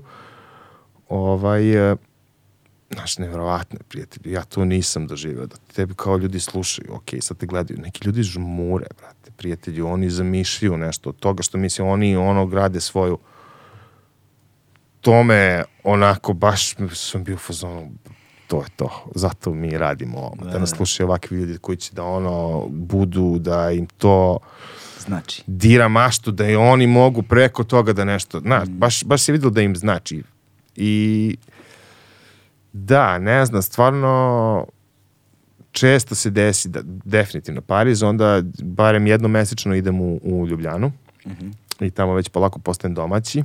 Ovaj, hoću malo da naučim i jezik, da mogu da komuniciram sa ljudima malo i da mogu da razumem kad je sa, kad su u sastavu sve Slovenci, a ja jedini Srbin. živio Ovo- stari, a res pizda. Res pizda, to, to, to. Ovaj, čisto da bi mogao da prati, znaš, Mm. jer ono, a i druga stvar, kada već sviraš toliko tamo, lepo je da se obratiš publici na, na njihovom jeziku i to sve. Ali šta je fora? Mislim, publika tamo definitivno zna da ispoštuje band, čoveč. Znaš ti koja je tu kultura? Tomu ti niko ne ustaje ti ono da ide kući na pola pesme. Svi čekaju da se završi pesma, da aplaudiraju. Znači, postoji neki bon ton publike koji kod nas definitivno manjka. Ima ga, naravno da ga ima, ali o, definitivno i bendovi i muzičari moraju da budu ti koji će, brate, da kažu, dobro Znaš, večer, ja- mikrofon je najavimo, mi smo ti i ti, molimo za malo pažnje, bla, bla, bla, ako možete malo tiše, šta god, samo skreneš pažnju. Da, znaš kako je, ali meni se sviđa recimo nešto što je kombinacija između, ta, između dve stvari. Dakle, s jedne strane imaš onu, ajde kažemo, ne razularenu, ali ono pub, klubsku, ne nužno klubsku, pub bi pre bio, ono, možda može tačnije, ono, atmosferu, gde imaš opuštenu atmosferu, ljude koji ono crkaju pivo, bleje, to. Gde je malo glasnije zapravo. da je glasnija svirka i tako dalje. Ovaj, i, između, I ovo što je kao baš uštrojeno i klasično, da, ovaj, ima kao kombinacija između ta dva. To sam viđao po nekim mestima u inostranstvu. Desilo mi se u, u, u Njurku smo jedno veče Maja i ja, pozdrav za Maju, kad smo imali pauzu u snimanjima, išli ono, što se zove bar hopping, znaš, i svuda platiš po 10 baka, 10 dolara ulaz, ovaj, i onda uđeš i to je klasično, onaj ono stepenice dole podrum i klasičan pubčina, onako dugačak šank od vrata do, Da, da, do, da, do, da. kraja, do kraja, gomila stolova. Ovaj, I dole u ćošku je band. Znaš, obično bude trio i cepaju džez. Ali fora u tome što znači, kad između pesama ili između pauza je ono galama teška šta god, ali kad počne, postoji neka ne znam, neko nepisano pravilo, verovatno je to već tradicija tamo jako dugo, da se tad sedi i sluša. To je kultura, prijatelji. To su na Cepa ono, se pivo, sedi se za stoji se za šankom, sve ali je samo opušteno. malo imaš obzira prema tome da neko kao svira, da neko pokuša da pravi neku muziku, da nešto... Da. Možeš da se razgovaraš sa nekim, ali morate da šapućete, ono da se ne čuje. I onda ukoliko si ile glasniji, imaju ljude koji prilaze, dodirnuti kao samo malo tiše, kao dok band svira. Znaš. Kako to lepo. Da, i to je baš, i ta kombinacija te dve atmosfere, recimo tako je skrenira, mi je idealna, na primjer. To U ovde- ovim godinama, To ovde teško. To jedino kad je jazz festival i kad te- kad se ne služi pići, kad je ono to, ti možeš da dobiješ tu tišinu čoveče. U kafićima, ovim gde se svira jazz, to je urlanje, prijatelju. Ljudi nas, ja ne nosim metlice. Mm. Ne treba mi, brate.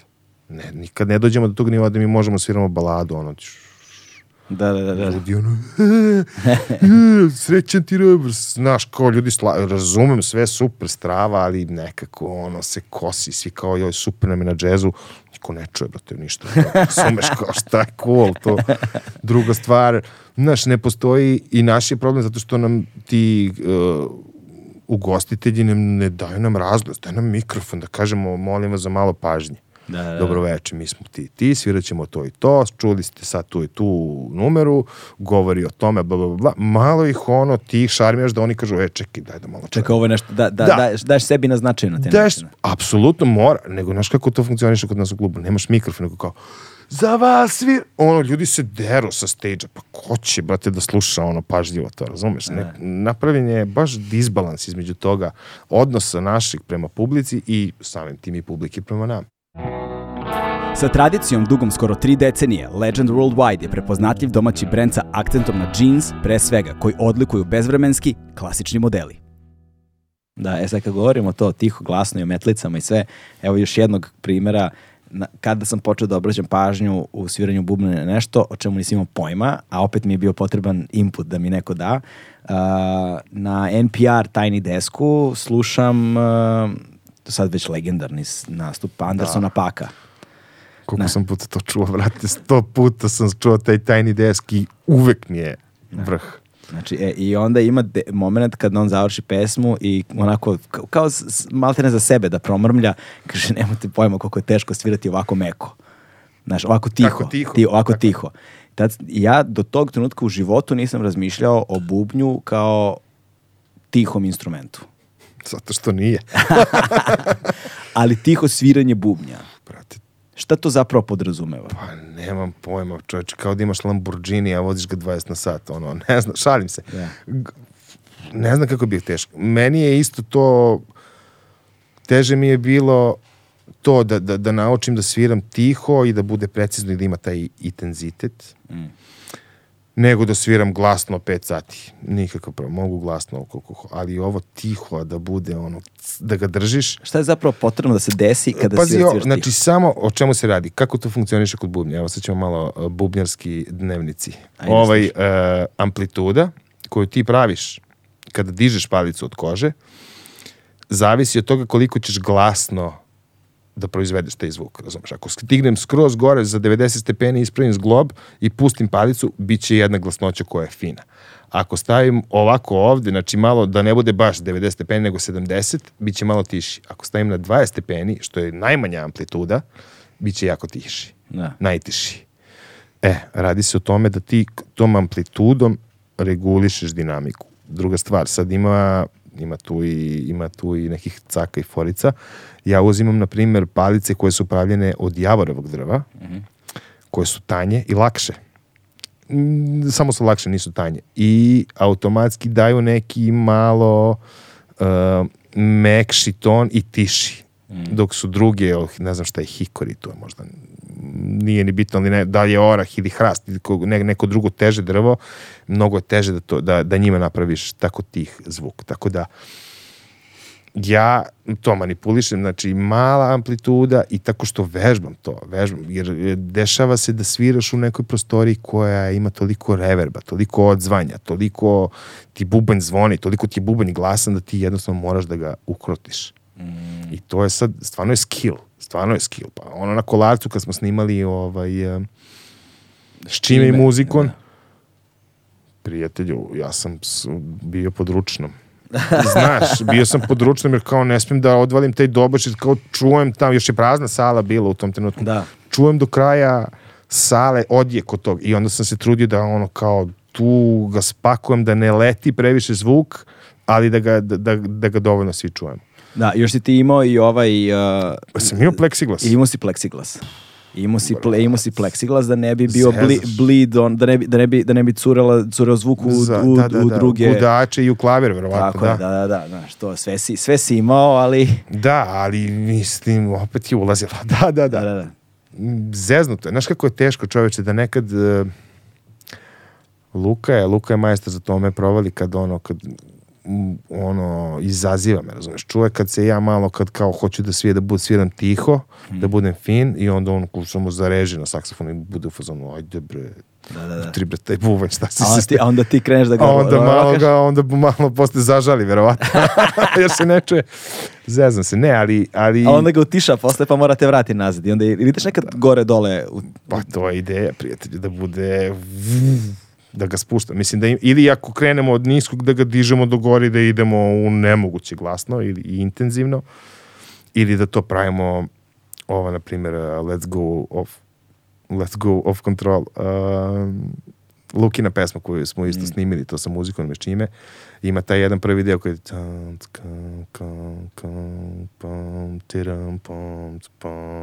i u svakom slučaju na kraju toga ima tera, Znaš, te samo taj zadnji odsviraš Da, da, znam, preglasno znam. Da. i onda ga vratiš da ti, o, brate, znaš Da. kako taj glas ti kad uvek dođe, uvek te nešto, kao da ti potrese ono ceo, ceo, ceo tempo i, kao du, du, du, du, du.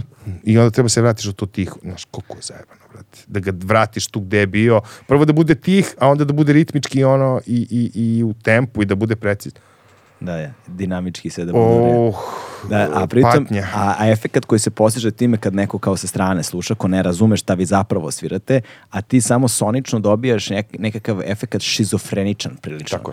Ka, ha, haos dobijaš. Ali je na neki na, ono što mi se dopada u tome jeste slušaš i sada čuješ haotičnost, ali haotičnost koja te ne uznemirava. Da, nije ti, I, da ti pravi znaš, nervozu. Da, da, ne da. pravi ti nervozu, ne pravi ti anksioznost, ne odbijate, ne zvuči odbojno, a zvuči haotično, onda se pitaš kao šta je zapravo to zbog čega kao haos koji me privlači. A možda zato i što ima taj kontrast. Da, zato možda. što nije haos sve vreme. Da ti je haos sve vreme bio u zonu, Kontrolisani dobro, haos. brate, dokle, ono, Kontrolisani u redu je, haos. momci u redu je. A ovako malo je ši, ši, ši, ši, ši, pa onda uđe u ono divljaštvo Mm. i dobiješ kontrast, ono, ne znam, mislim da je to sad, to je ključ. Kako balansirati između toga da bude haotično, kako da bude mirno. I da praviš da bude zanimljivo i tebi, a i slušalac. Kad se ono slušalac već uspavati mu drž, malo kao ajmo, idemo buđenje. Pa sad negde, negde, negde, negde drugde idemo. Znaš? Da, na kraju balade ipak je dvosmerna ulica u pitanju. Ne? To je sad, ajde kad smo već pomenuli to, s čime muzikom, ne, mislim, ne znam kad smo se nas dvojica upoznali, ali, ta, ali tad smo se ono kao, znaš, Da, zbližili, znaš da kažeš, da. Ovaj, je projekat koji je vrlo zanimljiv, zato što je i on razlog u kog smo mi učestvovali u njemu između ostalog, zato što ima tu neku vrstu um, autentičnosti koja se ne viđa svaki dan. Zapravo, gde ste vi ono klasični džez, mislim, ne klasični, ali kao džez. Klasični jazz form, pa Jazz- jeste jazz- saksofon, za- bubanj, klavir i bas, to ti je to. kontrabas, kao, Kontrabas, tako da, je. da, to. Ovaj, radili, eh, e sad, tu, tu, to, to je Ana Krstajić i O, Ana Krstajić i Vladimir Nikolov su pisali aranžmane aranžmane, tako je, za kamerni orkestar. za kamerni orkestar, tako je. A kompozicije su pisali Luka Ignjatović i Sava Miletić. Sava je posebna priča. Savu nismo pomenuli. Tek ćemo, sad ćemo, sad ćemo tu anegdotu sa snimanja. da, da, ko je došao sa Sony PlayStation maskom, ono, kakav čovjek. Veliki fan igrica, prosto čovjek ne zna kako drugačije da pokaže. Ima sreću da je genija na klavijaturama. u svakom slučaju, ovaj, um, neobičan spoj, a, iz više razloga. Nama veliki izazov a, zbog, jel te, s- treba zvučiti koliko je to vas bilo? Tri- 19 gudača i nas e, četvorica. Znači 23, 23, Mhm. ja sam s matematikom tako loš. Nije, najjednostavnije operacije mi nisu dobre. Šuti, dobro si. Ovaj 20 to je 23 osobe na bini u, Mhm. u ono u, u, u, u kolarcu za vreme u toku ono jeka pandemije. Sjetiš koliko smo puta pomerali samo, brate. Brate, pa 23 osobe, ko, svako malo se neko razboli. Ja sam bio u fazonu, imam koronu, ali nema, idemo ljudi, dobro mi, ajmo mi da samo da skinemo više ovo. I ovo stvarno je bilo strašno, čoveče, Jeste. 23 ljudi da ti u kompu, da onda, gde su snimatelji, gde ste vi, Brule, znači to je još Miloš Ivanović. Miloš Ivanović, tako, ono, mnogo ljudi, čoveče, da se organizuje, da, da, da bi to se uspelo na kraju. Da, da, I da. uspeli smo. Da, Jana Krstajić je ono legenda.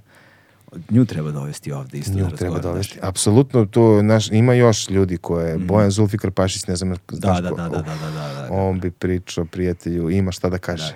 E, i ovaj, a, i da, t- ta, kako ti je iskustvo zapravo bilo ono sviranje i kreiranje takvog projekta kao što je ono muziko ni s čime?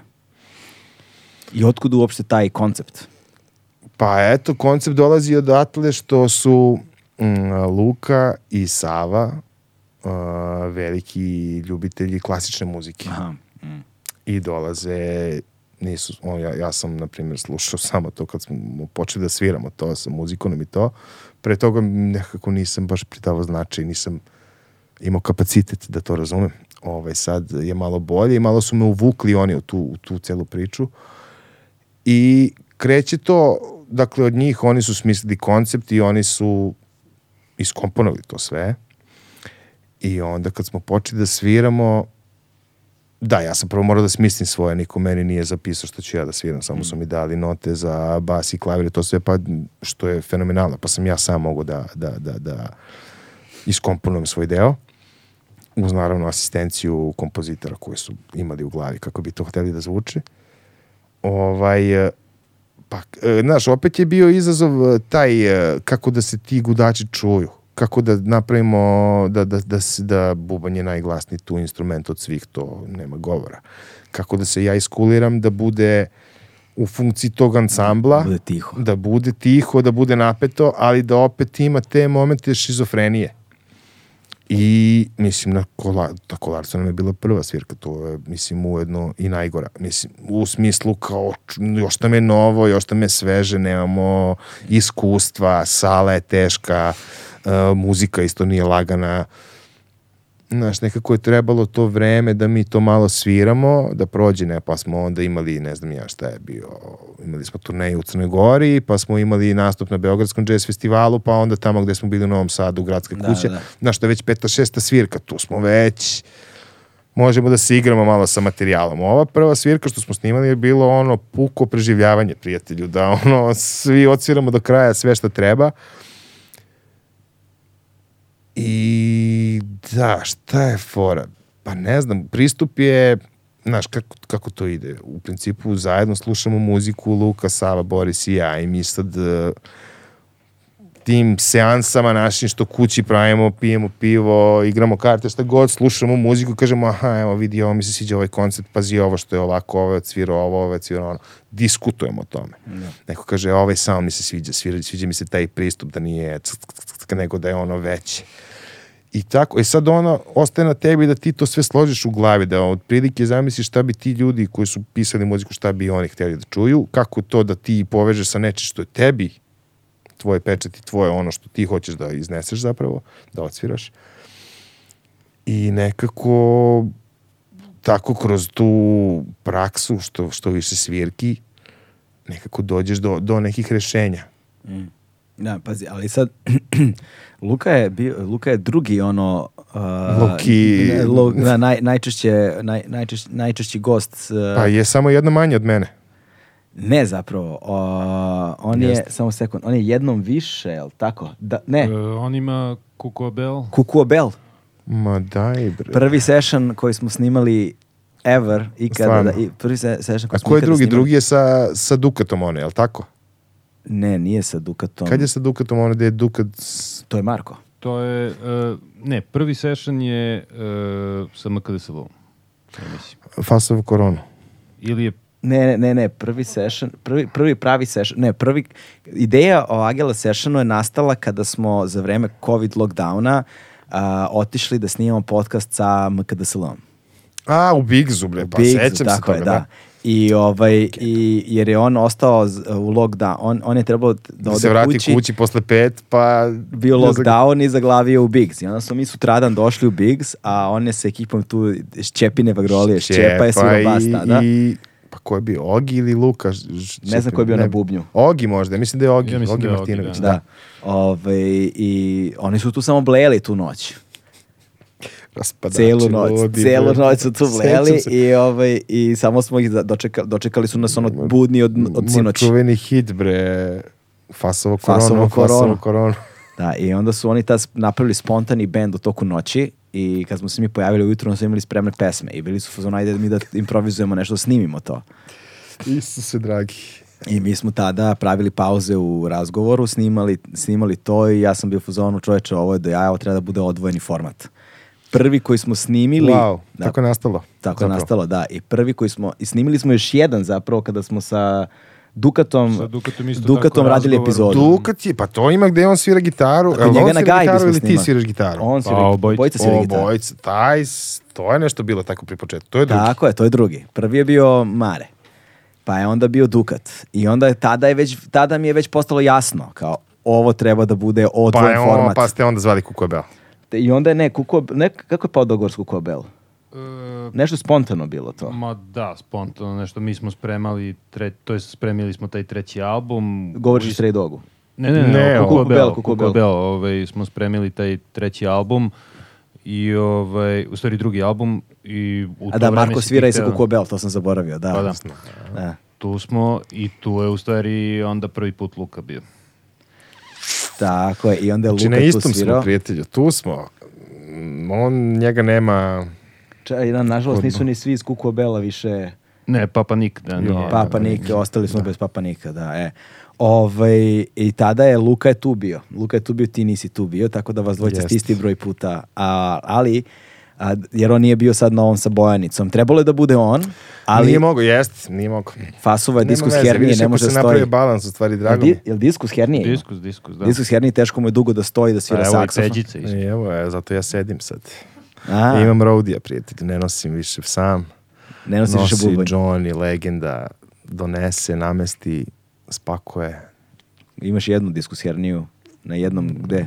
Ma ne, do, donja leđa, ma ne. Tu, što manje pričam o tome, manje se kočim, tako da... Vodim Okej. računa, vozim biciklu, išao sam i u teretanu u jednom trenutku. Malo zemba. Da. No, dobro je, dobro je, dobro je. Poboljšava se stanje, a? Poboljšava se. Ok, ok, moraš da se čuvaš, moraš da Pa se čuvaš. hoću, evo vidiš. Ovaj, I onda je u zamenu za Luku došao, kako se zove ovaj dečko, zaboravio sam. Rastko Obradović. Rastko, e, Rastko Obradović, pozdrav za I njega. Ivan Radivojević. A Ivan Radivojević je isto bio nekoliko puta. Mhm. Na trubi, ovaj, on je bio, a, kad je bio Prti BG session. Tako je. E, brate, Prti BG To je session. bilo dobro, a? A, to je, To smo pokidali, prijatelju. To je baš dobro bilo.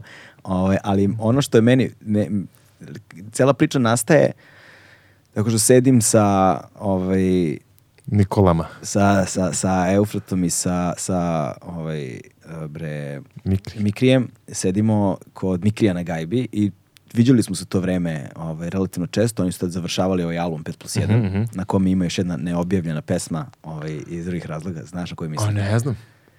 Pa obradili su Bajagu muzika na struju. Ma nisam to čuo, ne Da, znam da, to. imaju ovu uh, gde su obradili Cukića. Juri, Juri, me, uf, da, ta Mu- mi je možda i omiljena, brate. Muri me Jurija, Muri to, me Jurija. ima još jedna koja nije objavljena. Treba moja droga.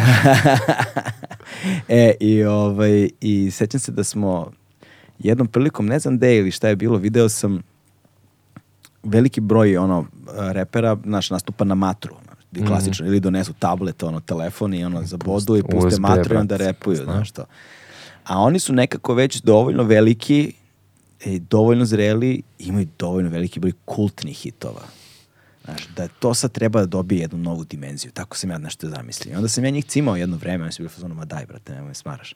Znaš, ali, ovaj, ali vremenom sam, bio sam uporan dovoljno, vremenom sam ih nagovorio i onda su bili otvoreni u jednom trenutku za tu vrstu, ovaj, za tu vrstu saradnje i ne znam kako je došlo od toga zapravo treba da se treba da nađemo članove benda, treba da nađemo bend koji bi im svirao. Pa da, ne znam- ti ne znam, ja, ti si ja, mi rekao da ja sam mi- tebi, ja sam ti ja rekao. Da, rekao sam treba mi bubnjar i basista. Tako nešto si mi rekao. Da, Ne- ne, rekao sam tebi kao treba mi to, ali sad mi ti preporuči ostalo. Da, da, da. I onda si ti našao sve. Naravno. I onda je bilo pitanje gde će se proba i onda su kod tebe bili. Kod mene, brate, sve ono, firma I to radi. smo snimanje odlagali jer su FIFA soli koronu. I to smo pomerali. Tako je, brate. Se sećaš? Prvo je Mikri se javio sa fasovo, da je fasovao koronu. Nemoj da zvedaš. A onda si toga. ti fasovao koronu. I onda ste svi redom počeli, Ma pošto nije, ste... valjda. Jeste- A imali smo probu kod nas. Jao, jeste, brate. Na probi smo se svizali, jao, je strašno. Jer zapravo tvoj studio jako mali. Mhm. A nas je bilo milion i svi smo delili jednu cigaru, verovatno. I tako ti je to. E sad, kako je izgledao taj proces? To, to je ono što mene zanima. Kapiram da ljude zanima jer je taj session stvarno popularan. Pa, brate, kidanje, ništa, mi smo kao i obično shvatili preozbiljno. Mislim, šta je fora kad ste me zvali, ja sam bio fazon, aha, čekaj da vidimo ovako, zašto mi ne bi uradili kao preti BG featuring Drum Booty. Ne. I ja sam pozvao sve članove svog benda i video sam to kao super priliku da se ispromoviše naziv mog benda i da to, taj projekat zvuči onako prilično ko što zvuči dobro. Ovaj, onda sam iz, iscimao Akoša Forgača na basu, Luku na saksofonu, Stevana Milijanovića klavijature, Bojan Cvetković drugi klavijature, tu je svirao Ivan Radivojević, pridružio nam se trubu, tako je, e, Kojot je svirao gitaru, Tako je. tako je. I, I Luka. I Luka, tako je, Luka saksofonista Ignjatović. Uh, I šta je fora? Mi, oni su nama poslali matrice i sad rekli kao momci skinite ovo. I mi skinuli, brate. Kako što ide, ono, u takt sve smo skinuli. A koliko vam je trebalo da skinete matrice? Pa za, nemam po, ne znam koliko je ovo materijal. Ja sam slušao ono, par da ne znam, slušam par dana i ono, upamtio sam sve tekstove. Kako sviram hip hop, brate, tekst, ništa, muzika, ne, ne interesuje me broj taktova, hoću da znam ono, ver, versove. A, Znaš, i od toga krećem kao ove a vers ti se ovde, orijent, pa, orijentišeš se zapravo prema tekstu kao pa bubnjar, da, pa mislim, zavisi šta sviram. Ako sviram jazz, tu nema teksta, prijatelj. Da, da, da, da. ali za hip hop da bi tako, jer e, isto tu nekad bude nepravilan broj taktova, znaš, nije sve na 4 i 8, nego nešto bude 6, 7, 9 taktova i tako neka proširenje. I onda kad čitaš tekst, u stvari, kad spakuješ ce, tekst u to, ne brineš više koliko ima taktova, jer kao pratiš tekst. I onda sam, mislim, tako sam naj, najlakše naučio i onda smo došli na probu i da, ovi su se oduševili, kidanje, strava, vrh, to sve. Da, jedno smo mi probali bez njih i šta smo, nešto smo, došli smo do nekih strava rešenja, nešto smo Air Max smo malo iskrivili to jako dobro, da na kraju ti neki refreni, ubacili smo neke nove harme, malo smo oplemenili, ali je dalje zadržalo taj ono nadrkani taj zvuk. Na, ono. Da, da, da. Ali na kraju se malo razvije gde smo ubacili neke malo mekše harme i to je ta promena. U principu sve ostalo smo skinuli ko što ide. I nije nam sad bio neki ono preveliki izazov, zato što nije bilo previše pesama. Onda posle znaš, da je moralo da skidamo 30 pesama tako detaljno, onda bi, ono, Da, da, da. kao morali bi da zapisujemo, pa da ono, pamtiš mnogo više stvari. Ali za ovu priliku je stvarno ispalo super. Koliko smo svidjeli? 6-7 pesama. Ono. Tako nešto, da. Pa da, to. što je super. ja sam provalio zapravo da je taj format, ali prateći i druge sessione online, gledajući pre svega KXP. KXP, 20 minuta, pola KXP sata. mi je ono Tiny zlatni, deski. zlatni standard. Znaš, ima, ima i Pitchfork, ima svoje sessione, Mhm. Tiny Desk. Tiny Desk sessioni su mi stvarno, mislim, ne mogu ništa loše kažem. To je, Sećam se da smo pričali o tome da se tebi ne dopada to što ti je menjaju zvuk bend, ali to je fora što je Tiny Desk je kao neki unplugged varijanta. tako je, da. Svi zvuče ono sirovo, tako je, znači nema ono kao produkcije, nema to. Ne, ne, zvuče sirovo. Znaš, stvore o tome, oni zvuče ispeglano, vrlo ispeglano. Ono što je meni, tu je, tu je gde provališ razliku šta znači dobar miks. Kad pitaš Mm. kao šta radi čovjek koji miksuje album, onda je ono taj ključni karakter na kraju Tako tog je. albuma, znaš. I onda punk zven, band zvuči kao punk, znaš, da neki elektro band zvuči elektro, Da, band, punk band bi taj, na tajni desku zvučao ono, kao kamerni orkestar. Nije va, znaš, ono, znači, zvuče svi isto, Da, znaš, da. zvuče svi isto, znaš, Jeste. da li će da bude neka balada, da li će da bude neki punk, ono, da li će jeste, da bude... to im je neka, ne znam, to, To im je neka fora jer je tajni desk. Da. Samo ime kaže. Da. Nema tu prostora Nema za tu razmahivanje, ne znam Mm. kakvo. Ovaj, ali je meni, zašto je meni KXP tu značajniji? Iz dva razloga. Prvi je izbor bendova. Naš izbor koji vidiš tamo, jesmo u Redžepovu možda čuješ neki XP, izvini molim te, Da, to, mislim, neke budemo. bugarske popevke možeš da čuješ, nećeš čuti Jeste. to na tajni desku. Tako je. Nikada, to je prva stvar. A druga stvar je što sam otkrio gomilu bendova zahvaljujući njima. Znaš, a onda kad otkrivam bend prvi put, fora mi je da ih čujem Kako zapravo zvuči. kako zapravo zvuče, da. Razumem. Ja razumem foru Tiny Deska, sa njihov... To je okej kad ti znaš već taj bend i ti si kao fazonu, joj, super, I sad će, da, nekad- sad će da zvuče drugačije, kao što su kod Lettermana, ove što su pravili ruci, Tako je. naprave kao akustiku, ono, obradu. Nečega što već znaš. Da, I to je I onda tebi fora. I onda recimo kad, sa, kada, kada sam prvi put počeo da slušam Idols band, znaš, ta dva d- isti set pesama, sve isto, na NPR i, I- KXP, pff, nebo i zemlja. Nebo i zemlja. Pa Ti da. Mm. zapravo tu sirovost njihovu post-punk čuješ Tek na KXP. tek ono, na de- KXP-u, to, to urlanje, taj bubanj ko kanta što Da, zvuči. definitivno što- drugačiji koncept. Ovo je ono, Mm. biblioteka, vibes, brate. Kod da kad bi ovde sad pravili session. Ali Razumeš, je- ono, ali- ne bi, ne bi Da. imali taj... Ali to je, ali hoću kažem, to je samo deskriptivna razlika, ne normativna. Da, dakle, jasno. nije jedan bolji od drugog. Da ne Nije, pomisle ljudi. Ne, NPR pa. kida, burazoru, nema se zajebao. Pa mislim, opet dovode strašna imena, čovjek. Znaš, koliko sam ljudi otkrio, bre, tamo. Tako je. Da, da, strašne imena dovode. Fenomenalno, stvarno.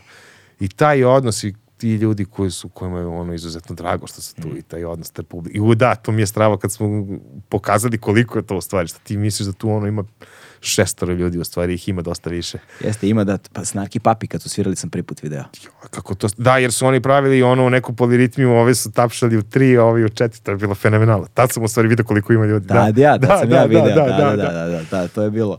Ovaj, e sada, znači, i onda Prti BG, vi zapravo niste imali puno proba, jer šta je fora, ja sam vas, povezao sam tebe sa, sa, sa Mikrim i Eufratom, Mhm. onda si ti povezao ostatak ekipe i ja sledeći put, ja sam posle samo dobijao od Mikrija na Whatsapp, mi je slao ono sa telefonske Klipove, snimke, da. klipove kao probe kako su izgledale i meni je to već bilo kao wow, vidi ovo, jedva čekam da ovo snimimo, ali nisam uživo čuo dok nismo snimili. Vi niste imali nešto puno proba.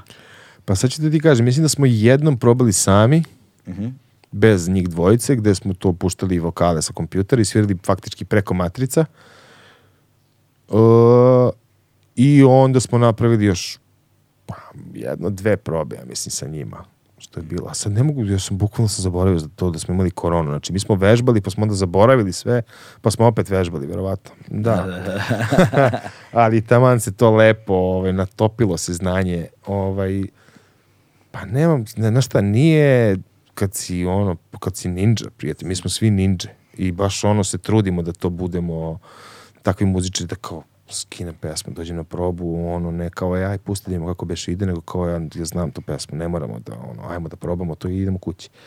Tako da svi su u, u, u mom bendu i plus Ivan su u tom fazonu, svako je odradio domaći zadatak, skinuo sve što treba, kom, kom neće da pamti, zapiše, dođem na probu, sve ono ide ko što ide na CD-u, ono, vrlo lako. Znaš, tako da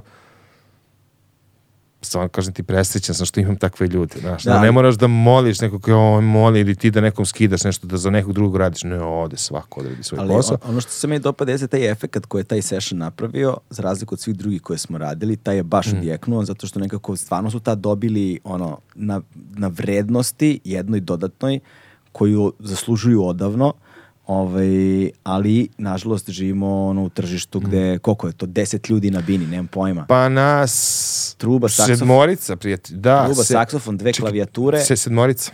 ti na bubnju, Kojot Ivan. Kojot, a, Ivan i njih dvojica i deset ljudi. Deset Mrk- ljudi. DJ da, Mrki. DJ Mrki, da, da, i njih njih dvojice, dvojica, deset deset ljudi na ljudi. bini.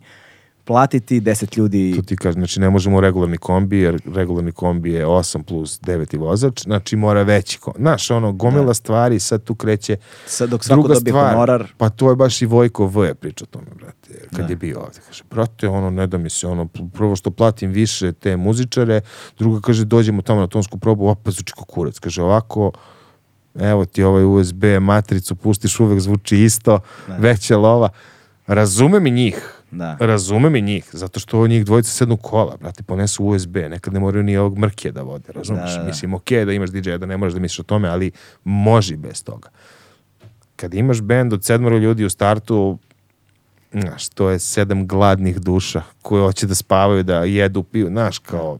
I moraš da imaš tonsku I probu. moraš da imaš tonsku probu i to sve, mislim. Treba ozvučiti sve te instrumente. Mislim, sve. može da znaš, bolje... Ali, ali to je ono što je meni žao, znaš, jer, jer, jer ljudi koji ne, koji ne vide vrednost to su- Nažalost, ne vide ni, jer na kraju ta publika koja dođe, oni hoće, oni svršavaju na te lajne koje oni pišu. Ne slušaju da je njima ono kik, je sa matrice ili ja sviram taj kik, ono, zabole ih, brate.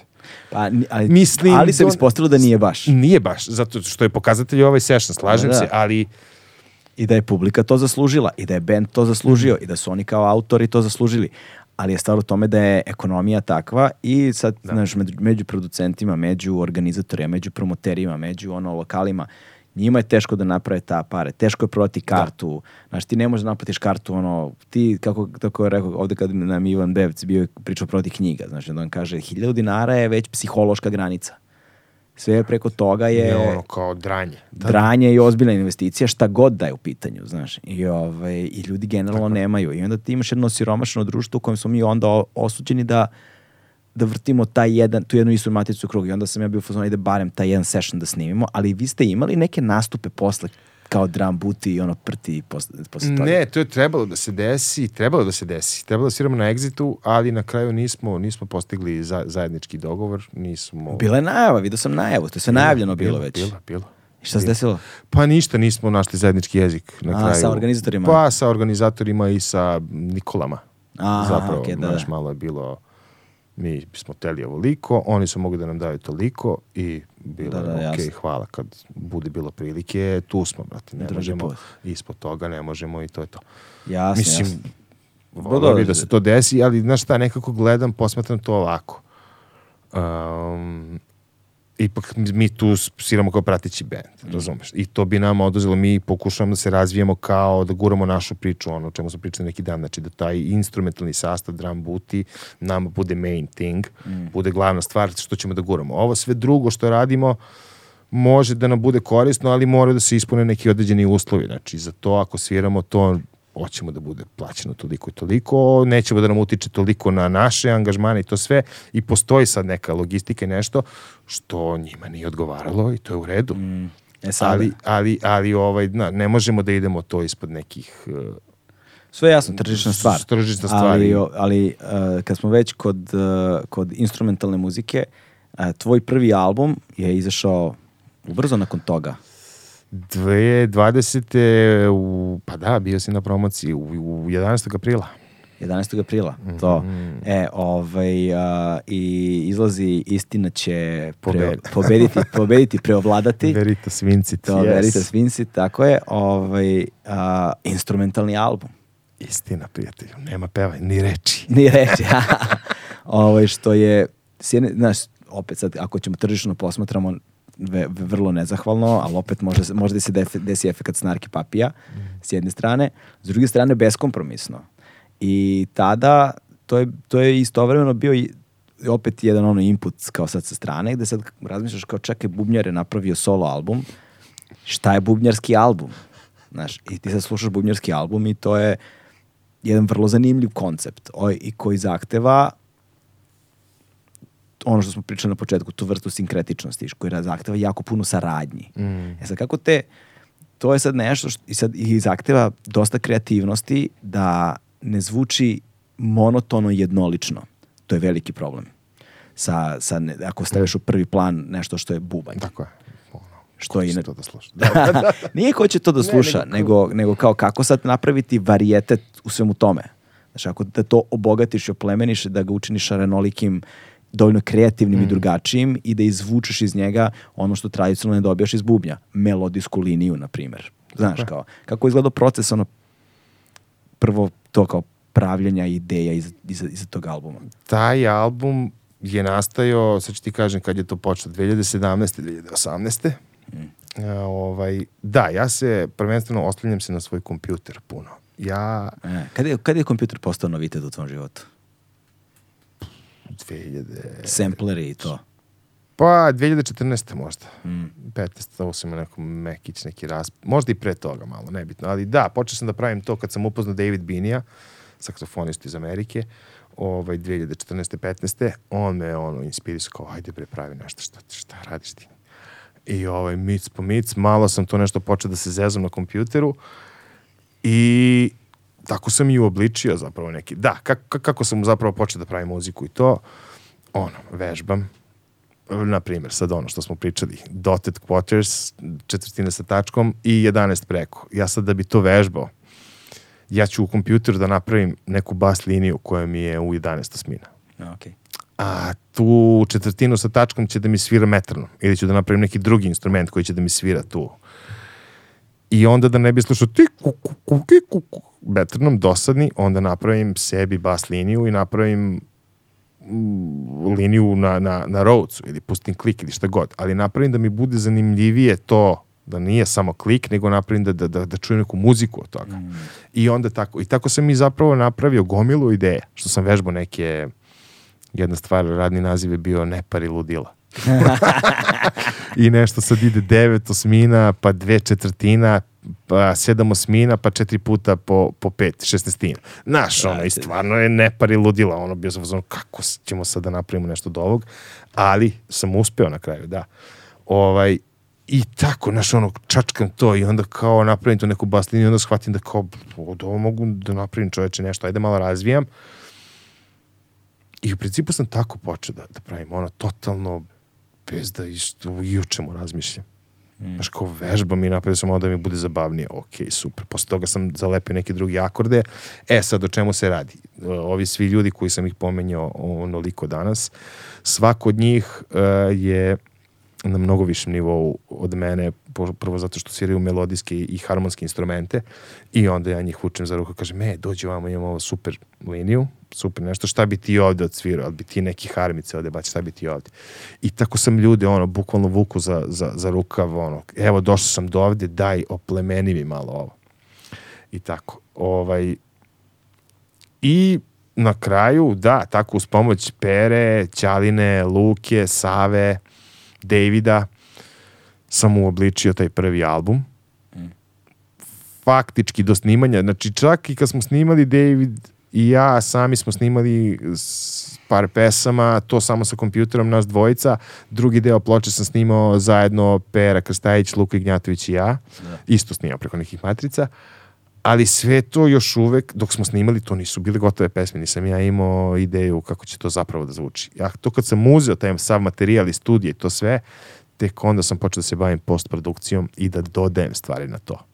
Znači, u principu, uh, princip je kao kad snimaš pop pesmu. Sve na klik, snimiš bubanj, snimaš bas, snimaš pa snimaš glas. A sve se odvojeno snima? Sve sam odvojeno snimao. Mislim, snimali smo to. Znači, ritam sekcija Pera, Luka i ja, to je bio kao, uživo smo svirali u tom trenutku i David i ja smo svirali uživo, ali sam posle te neke stvari dodavao i ono, napravio sam da zvuči tako taj album kako zvuči, tek naknadno. A I, mix? dosta, I mix sam radio sa Vladim, A, a, sa kim si radio mix? Vlada Moric, jedan Aha. drugar iz, iz Novog Sada, koji je uradio vrhunski posao. Šta je odluka iza miksa kada govorimo o bubnjarskom albumu? bubanj što glasnije. e, nemam po, ne znam, verujem mi da ne znam. Ja ono kako sam htio, želeo da mi zvuči album, nisam želeo tu nešto siromaštvo u basovima. Želeo sam ono, raskoš, da bude, tuf, ono, da je baš basovito, da je, da kad pustiš u kolima, da je ono, da je baš ono, bumi. I otud i naziv, taj drum bur, jer ono kao debela se, de, debeli sound. Da, masan, Masno, kalorije. to, to, to. Ovaj, e, Gojiš se dok slušaš. Gojim se, to, to, to. Upravo tako. Ja, Ovaj, tako kad, ja tako kad čujem ove dropove, razumeš, na ono... kar- Gojim se da, dok slušam. Da, da, ono je drop E, drop D na ono metalu nekom. I ono, kad je stoner i kad je spor, ako se ono, vibrira sve, znaš, trese ti se salo na stomaku, to mi je ono, Isuse, da. masne kalorije se talože. Ljudi svašta slušaju. I to je istina. da. E, šta sam htio? Da. Tako da, da, i prvi i drugi album su zapravo postprodukcije. To ono, slaganje, puzle, um, na duže staze. Znaš, nisam napravio sve, pa sam onda išao da snimim bubanj. Tako je bilo za, za, za drugi album. Naprimjer, sve sam upakovao strava i onda mi je ostalo samo da snimim bubanj još kao vrh i, i sve u redu. I onda sam tu imao drugi problem, pošto sam snimao sve sam u svom studiju, Znaš, kao, nema više te granice, brate. Ko će da mi kaže kad je dosta, ko će da mi kaže kad je dobro, ono, kao, dokle, možemo ovako da prekstra. I onda sam pozajmio mikrofone malo o, ozbiljnije od kolege mog Marka Kuzmanovića, mnogo hvala Kuzma. Ovaj, e, I to mi je bilo kao, daj mi mikrofone na tri dana, uzimam tad, vraćam ti tad. K- Koji mikrofoni su to bili? AKG, neki C414, zna Marko, dobro je to. Evo, ima tu možda neki primjerak. Ne, nema, nemamo, nemamo taj. Ne, imaš ti možda? Ne, nemaš. Nemam, nemam. Ali super mikrofoni za overhead, ono, bolje su nego moje oktave, Da. bolje, razumeš. Ali šta je to, više je bila psihološka fora, zato što sam ja to pozajmio od njega da mi da da snimim za ta tri dana to, da nema više, da mu onda vrati mikrofone i kažem, brate, nema, to A napravio si sebi deadline. Napravio Da, sam, morao, da, zato što je već je počelo da ono, počeo sam da ludim, brate, zato što snimam nešto i kao, joj, dobro je, ali hm, mogu, mogu bolje, moj album, moram da, neku sam, teret sam sebi stavio na grbaču, ono, bez potrebe ikakve. Da. I onda sam rekao, sad ovo što snimim, to je, brate. Da li će biti dobro, da li će biti loše, ono, ne interesuje me. Više moram da prekinem s ovim, jer kao, posle toga me čeka editing toga, moram da miksam to sve, moram da sređam. I bio sam u zonu, ono, prijatelju, završavaj. I tako je bilo. Snimio sam za dva, ti dana, nisam ni slušao previše. Bio sam u zonu, ne mogu više. E, si pravio pauzu ono, u slušanju, znači pre... Napravio sam, pa, pa, pa sad, sad ću da ti kažem, prvo sam to snimio, snimao sam, snimao sam sve, vežbao sam to sve i onda sam stavio te nove mikrofone i snimio to i bio u fazonu mesec dana, ono, ne želim da čujem ništa od toga, ne interesuje me. Čekao sam Andriju da ovaj, uh, završi taj neki Andrija Gavrilović ANDR tip koji mi je mikso ploču, ovaj, uh, sačekao sam njega da završi neki posao i onda sam došao sa svim tim trakama, bez da sam išta editovao, slušao, čačkao, došao sam sa tim kod njega i onda sam bio u fazonu, e, da vidimo šta smo radili. I onda smo zajedno to pickali, minckali Da. i na kraju zvuči kidanje, brate. Pričam sad o ovom drugom albumu. A, pričaš o Da, drugo- to je drugi album. Izvini, malo skačem sa te, ali...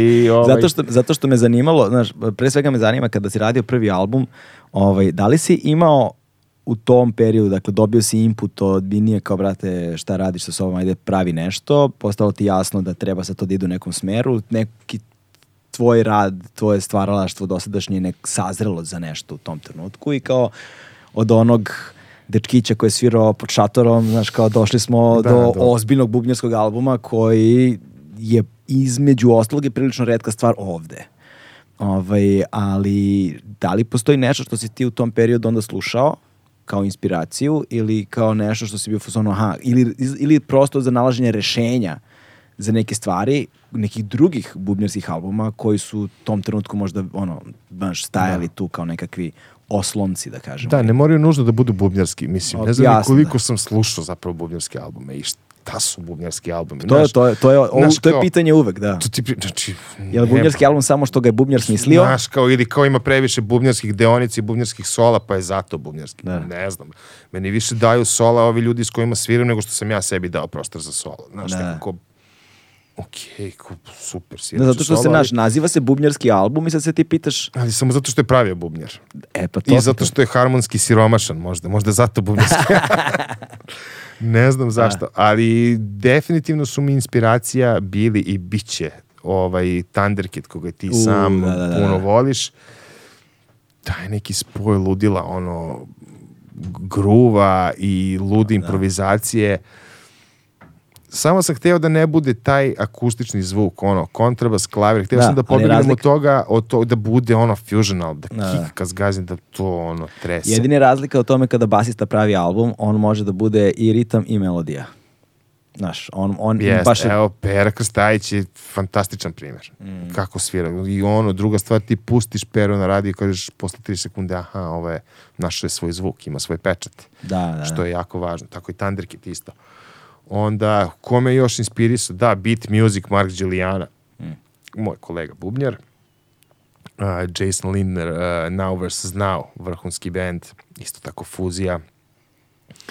Donny McCaslin, koga sam ovaj, imao priliku i da upoznam, zahvaljujući Davidu, da svirali su pre par godina na, na jazz festivalu i da su došli nešto dan ranije, da, došli, došli su dan ranije i spavam ja kući tako u Krunskoj dok sam živao i zvoni mi mobilni u kod 10 ujutru zove me kao halo Peđa, hey, this is Donny McCaslin, what's up, Dave kao David mi je dao tvoj broj, kao ćeš da idemo na večeru. Ja kao, čekaj, molim, kao zove me Donny McCaslin na mobil da me pita hoće da idemo. Naravno da hoću, prijatelju, vodim vas ono, u pizzeriju, ne brinite. I ovaj... E, u pizzeriju se U nešto pizzeriju. e, ali dobro, dobro, dobro. Ova, Ali dobro guli, pizzeriju. U dobro pizzeriju. Da, da. U Skadarli, u Skadarli. Darli, pa naravno, gde će? I tako, Kliše. znaš, i onda, znaš, kao slušao sam tog tipa onoliko, toliko se ložim na njegov band, na njegovu muziku i on me sad zove tu da kao da ih ja vodim u neku pizzeriju u Gotinu, u Beogradu. Okej, može. Lepe stvari su se dešavale i dešavaju se i dalje, ali da, mislim, definitivno je to sad neki zvu, ono, Amerika meni, meni radi što se tiče te zvučne slike. Sve što slušam od prilike dolazi odande i to je taj neki zvuk koji, koji, koji se meni jako sviđa. E sad ono što ja hoću da radim, ja hoću da to je i folk naš, hoću da to malo onak, Uđe, naš, da. da uđe tu, ali da ne bude, E, da to- kako da napravim taj E, spoj, da ne bude Ču, izvini što te pregledam, čuo sam te elemente na drugom albumu. Post- na prvom, da, slabije ima zapravo na devetci možda. Ona da, ali na drugom se Ima jače. distinktivnije čuje. Znaš, onako na prvu loptu se prepozna Mhm, da, ima da je ele- malo. da ima tih elemenata. Mislim sam na jednoj pesmi zapravo ili dve, nisam siguran. Ovaj, tu i čuo sam um, ni na drugom nema pevanja, Ni reč. ali ima vokala. Ne, ima, ima, ima, pa daj, stavljam semplove. Semplove, Stavljam da. vokale. Uh, meni se sviđa, na primer... uh, Na kraj- baš imaš o, iz, Imam neki, da, gde je to? indijac neki, to su svi, su mislili da Ratko, da, Rast, Ratko, Rastko Obradović to, to se zove... Mm, Nije kao sket neki. Pa nije sket, to je konokol, se zove taj jezik kojim pričaju ti indici, koje kao ti obeleže ri- ritama. Sad kako se to zove kad oni tadi genadom i takita, takita i to sve, ne, ne znam kako koji beše termin se koristi za, za to. Mm, ne znam, ne znam. Reći ćemo indijski sket. Da, da, da. Da. E, ima toga, da, u, da, provlačim te vokale, volim, nešto me, sviđa mi se kad ima taj sample i kad to onda pustim sa komp- nekako mi obogati, ne, ne mora nužno da ima melodiju e, na saksofonu ili na klavijaturama svaka pesma, nego mogu da pustim taj vokal koji pravi neki vibe. ono, ali koji šta, je, ali šta je bila odluka iza drugog albuma? Pošto, znaš, obično ljudi kad im, sa svojim prvencem ima postoji ta kriza drugog albuma. Znaš, obi- ti tu krizu definitivno nisi imao. Znaš, kad ne znaš ništa, onda te boli ovo. Znaš, prijatelju, kad ideš, znaš, meni je to sve novo. A, Meni je to sve novo i zanimljivo. Nisam razmišljao previše. Znaš, to mi se gomila, pravi mi se to. Ja kući ne znam šta ću i ono, pravim kaficu i pravim neku mjuzu, pravim nešto, nek se nađe tu.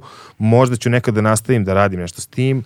Možda će da dođe neko kaže, e, ovo je cool, ajmo s ovim da... Ne razmišljam previše. Samo kad je došlo vreme da to kao biram koje ću stvari da, da stavljam na, na novi album, Mislim, imao sam razne ideje. Prvo sam htio to tlo neko, ono, kad sad gledam taj spisak kako sam zapravo htio da bude, ono, prvo što pola nije moja, nisu moje pesme, drugo što znaš, imao sam tu frku, kao šta ću sad, brate.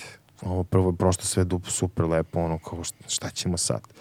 Ali sam se sabrao jako brzo zato što, ono, kažem ti, kad ne znaš previše, nije ti problem, brate. Znaš, nekako ono, meni je to sve novo, interesantno mi je, nemam pojma sad da li to liči na nešto, da sam ukro nekom nešto, ono, ne interesuje me čoveče. Tako se to desilo, izašlo je i kažem ti svakako ne bi mogao sam toliko da dobacim, nema šanse. Tako da kažem ti ono, pitao sam ljude, kaže me dođi, ajmo pravi, evo ti, ovo sam pravio, daj šta bi ovde radili. Znaš, i tako bukvalno maltretiram ljude. Tako da, šta? Pa dobro, pa Niko da. se ne želi za sad. Zna, znači u suštini, u suštini je to bio ono nagomilala se muzika koja je napravljena i od koje si onda koncipirao album, nisi krenuo u snimanje albuma kao et hoću da snimam album i onda počeo kreiraš muziku za njega. pravilo se, pravio sam pesme za, de, de, dešavalo se to, zato što kažem ti neke pesme koje sam hteo da stavim u stvari sam shvatio kad sam to se stavio na papir ova mi ne ide, ova, Ali ova kada- mi se ne sviđa, ova nije moja pesma, ova ne govori ništa o meni. Znaš, tako Mm. imao sam te onda Pera isto koji je liko izlači ono najbolje iz mene definitivno ja pošto njega uvek kad udarim u zid kažem ja Pepi vrate ne mogu više daj pomozi mi što je moj eh, i kad idem linijom manjeg otpora i on me provali on me vrlo dobro zna i onda kaže e, ajde siso jedna saberi se napravi tu neki deo smisli kaže ne interesuje me brate smisli šta bi ti neću ja mogu da ti rešim ja mogu ja da, da, da ti napravim album ali nije to point Da, da. moraš sam da naučiš i onda me za tu jednu baš nepari ludila koja se sad zove Arcade sam napravio taj bridge koji mi je sad mi je vrh deo, razumeš? Sam sam ono, naš došao do rešenja bilo, aha, Ja. a samo mi on rekao, samo mi rekao, e, ajde, ajde, možeš ti to, nemoj da razmišljaš. Znači, potrebno je ipak da te neko gurne malo mora, preko ivice. mora, Da. mene mora. Ne znam kako za drugi, ali meni, meni zaista prije. Da, i sad evo dva albuma, Drum Booty, s čime, Čovječe. znaš, dešavaju se stvari, Mnogo lepe stvari, da. da, da ono, daleko, da, daleko, daleko si otišao ovaj, i počinješ da kreiraš ono, sad, svoj pečat koji postaje prepoznatljiv u javnom prostoru, znaš, počinje polako da se u, u- ubiraju plodovi tog ono sad već više decenijskog rada. Konačno, prijatelju. Da, Da, ono, da. baš smo neki dan pričali kako ti se to uvek čini ko da ti ono nešto palo s neba u stvari. Kako zaboraviš u stvari te mukotrpne godine uh, jedenja uh, ovaj kao kad ti dođe nešto na kraju kad više nisi u problemu financijskom i ovom i kad ono ne moraš da sviraš svakakve gluposti kao joj čoveče što je ovo le- otkud ovo a Da, ono, a i kad- vrlo lako zaboraviš koliko je tu bilo čoveče sranja koje si morao da prođeš da bi došao do toga. A između ostalog takođe je problem i u tome što ljudi kada najzad dođu do te slobode. S jedne strane, ono što je velika robija za brojne muzičare, ne samo muzičare, to važi i za sve moguće aspekte ono, umetnosti i rada u kulturi, jeste što jednom kada uđeš u sistem koji, od kog zarađuješ novac, koji je komercijalni, ne nužno dobar ili kvalitetan, teško se iz toga izlazi. To može da bude robija. To može da bude kavez jedan, kao kažem ja to, zlatni kavez. Znaš, zlatni, ali kavez. Kavez, ali zlatni. to, to, to, to. Jeste kao sal. Ali, brate, te, brat, znaš, ozla je. Dozla, znaš, tako da i ljudi teško se iščupaju iz toga, teško odu dalje. Ili kada, ili kada krenu na to neko putovanje, kada se rašire, onda ovaj, teško se fokusiraju na jednu stvar. I vrlo često se dešava da izuzetno talentovani ljudi koji su mnogo radili su se zarobili u nekom, nekoj takvih, nekom od takvih scenarija i kada dođe trenutak da zaista osete slobodu, ni s tom slobodom ne znaju šta bi. Znaš, ili su izgubili moć kreativnosti, ili Sigurno. tra, za- znaš, To mora se neguje. Prije, Mora se, da. ono o čemu se radi uvek sam Teško dođe bio do ploda tvrdoglav. nekog. Moraš, ja, ja želim biti tvrdoglav i ne želim da, da, da tako pristajem na, na svašta. Da, da, da. Znaš, jednostavno mi je bitan mi je taj lični integritet i moj ono muzički obraz. Nekako hoću da ono stanem iza svega što sviram, iza svake note. Želim da ono sa ponosom kažem da, sviram to, bla, bla, bla, bla. Dešavalo se da me bude sramota zato što sviram. Da sam, da on nije mi najdraže, baš trudim i da ne budem najsrećniji kada on odsviram svirku, nije mi se desio taj, nije ta iskra se desila da ja kao budem u fazonu yes, ja radim svoj posao i volim svoj posao, nego sam bio u fazonu čekao sam kad će da prođe. Tezga. Ne želim to, brate. Život je kratak i na kraju taj nova ništa mi ne predstavlja mi ništa kao moje ono duševno bogatstvo čoveče kad odem i odsviram svirku sa ljudima gde ono mi srce ostane tamo. To je moja ideja. Makar bio ono goj bos i bez para, znaš, to niko ne može da mi odmuze. Da, Da, mi da, oduzme, da. da, znaš, tako da to je stvarno, to su mi jako važne stvari i uvek sam bio na, nisam hteo taj kavez, pa makar bio i zlatni. Znaš, ne želim da se obavežem ni za, ni za kakvu zvezdu ono koja će da me ima svaki vikend. Prijatelj, ne. Ja želim da budem slobodan za situaciju kad me zove neko za neki big deal, za nešto gde možda znaš, želim da budem slobodan za te pozive veće koje, koje, koji mogu da se desi. Jesi li razmišljao o, dešavaju se. jesi li razmišljao o karijeri u inostranstvu? Jesi li, jesi li razmišljao o to tipa odlasku u Ameriku? Razmišljao sam onoliko, baš sam hteo da idem u tu Ameriku, čak sam ovaj, u jednom trenutku, kad sam bio u Sao Paulo u Brazilu, aplicirao sam da odem na college na Berkeley i primljen sam i dobio sam 60% ovaj, stipendije, što je nedovoljno u mom slučaju bilo, zato što je to ono, preskupo je. Druga stvar, očigledno da to nisam dovoljno ni, Želeo. ni želeo, da. ovaj, nekako je to bila neka imaginacija moja, znaš, kao, mislio sam da će sve da mi se reši ako odem negde. Mm. Mislio sam da će mnogo lakše da bude to sad da imam band on u Americi da kao od toga živim mislim da će to sve biti lakše u Svirate Americi džez u Njujorku. ali to se ni, Fantazije. nije tako jednostavno. A što je opet je ono David bio taj lik koji mi je rekao, koji mi je prvi zvao da dođem u New York i ono pisao mi garantno pismo i rekao snimit ćemo, sredit ćemo, spavat ćeš kod mene, sve okej. Uh, rekao mi je pametna stvar, kaže, to što ti hoćeš, ti prijatelju, ako hoćeš da dođeš u Ameriku, bolje ti da dođeš ili kao ono autor koji ima svoj bend i svoju muziku, ili kao lik koji svira tako dobro bubanj da ljudi u Njujorku ono budu fazonu wow. A to da ljudi u Njujorku budu wow, ono, malo je te, teži zadatak. E, Znaš, tako da sam se ja odlučio za to da budem autor i da guram svoje bend i da nekako napravim brand od svog imena i da nekako i da odem negde u svet da kažem, e, evo, imam svoju muziku, imam svoj band, tako zvuči to, sad, da li će ti ljudi biti odande ili, ili ću da povučem svoje ljude, to nije bitno, ali ja sam već postavio neke stvari i već neka ljudi na internetu i u mojoj državi znaju i šire znaju već za mene. Ja sam postavio te temelje. Da. To je meni bilo bitno. Ja u trenutku kad sam hteo da idem u Ameriku, nisam imao te temelje. Nisam imao svoj band. Ok, imao sam, svirao sam gomile ljudi i bio sam i dalje sam ono kao super na svom instrumentu, ali nekako je bit, gde god da odeš, moraš da ono nekako imam kao pro, prod, proizvod Da, da. moj. To je moja muzika, to je moj stil svirke, to su ljudi sa kojima sviram. Da. I ono što mi je zanimljivo jeste da ne prestaješ da iznenađuješ. To mi je fascinantno. Što ti sviraš bubanj i sad tvoja raznovrsnost je takva kakva je, ovaj, što je već spektakl samo po sebi, ali kad god te slušam u nekim različitim formatima, na primjer sad kada smo snimali session sa Bojanom Vunturišević, znaš, i onda, znaš, to što donosi u živom nastupu znaš, tvoj bubanj na sve ono što oni rade je, znaš, sad, i onda kad uključiš druge elemente, scenski, kostim, a, vokali koji su tu, braći, znaš, to sve kad pa Bambi, ono, na basu, znaš, pa onda uz ove, paket, ove pa da. matrice, sve zajedno, sve zajedno i kao sad vidiš Bojana je dobila sad jedan sound koji joj je, ono, to je to. Znači, znaš, uklopile su se sla, kockice. Postalo je homogeno, sad zvuči Da, ono... zvuči opasno. znaš. I onda kad iz toga izleti, znaš, kao što smo onda snimali, tvoj solo, koji je pritom totalna improvizacija. Ja, kako to ludilo bilo. Prije, ja, čoveče, se sećate, mnogo smo dobro zablejali, to je, to je bilo vrhunski. Da. Tad još uvek nisam imao band, mi smo snimali to na matrice, čoveče. Ja sam uzeo materijal sa prvog albuma, Mako Bubanj, i svirao tri pesme i onda smo Luka i ja svirali free jazz. Mm, Free jazz, rekli smo idemo, priroda, veselje. to, to, to, Kako to, to to. bilo dobro. Kad Ali- smo otišli, kad smo otišli na, u o- ovčarsko-kablarsku klisuru. Da, nikad neću zaboraviti ono je o, stepenice kad smo vraćali bubanj gore. Ja, majko Božija. Strašno. E, vidiš, teta što to nismo zabeležili. Imamo neki snimak toga, Da, s fotografije. E, brate. tu je snimak je na duši. Neko da, neko da zabeleži obukljanje tih instrumenta i sve i bubanj i sve čoveče. Ali ono je baš bio, ja mislim da veći uspon od toga onoga nisi imao na, sa bubnjem. Dešava.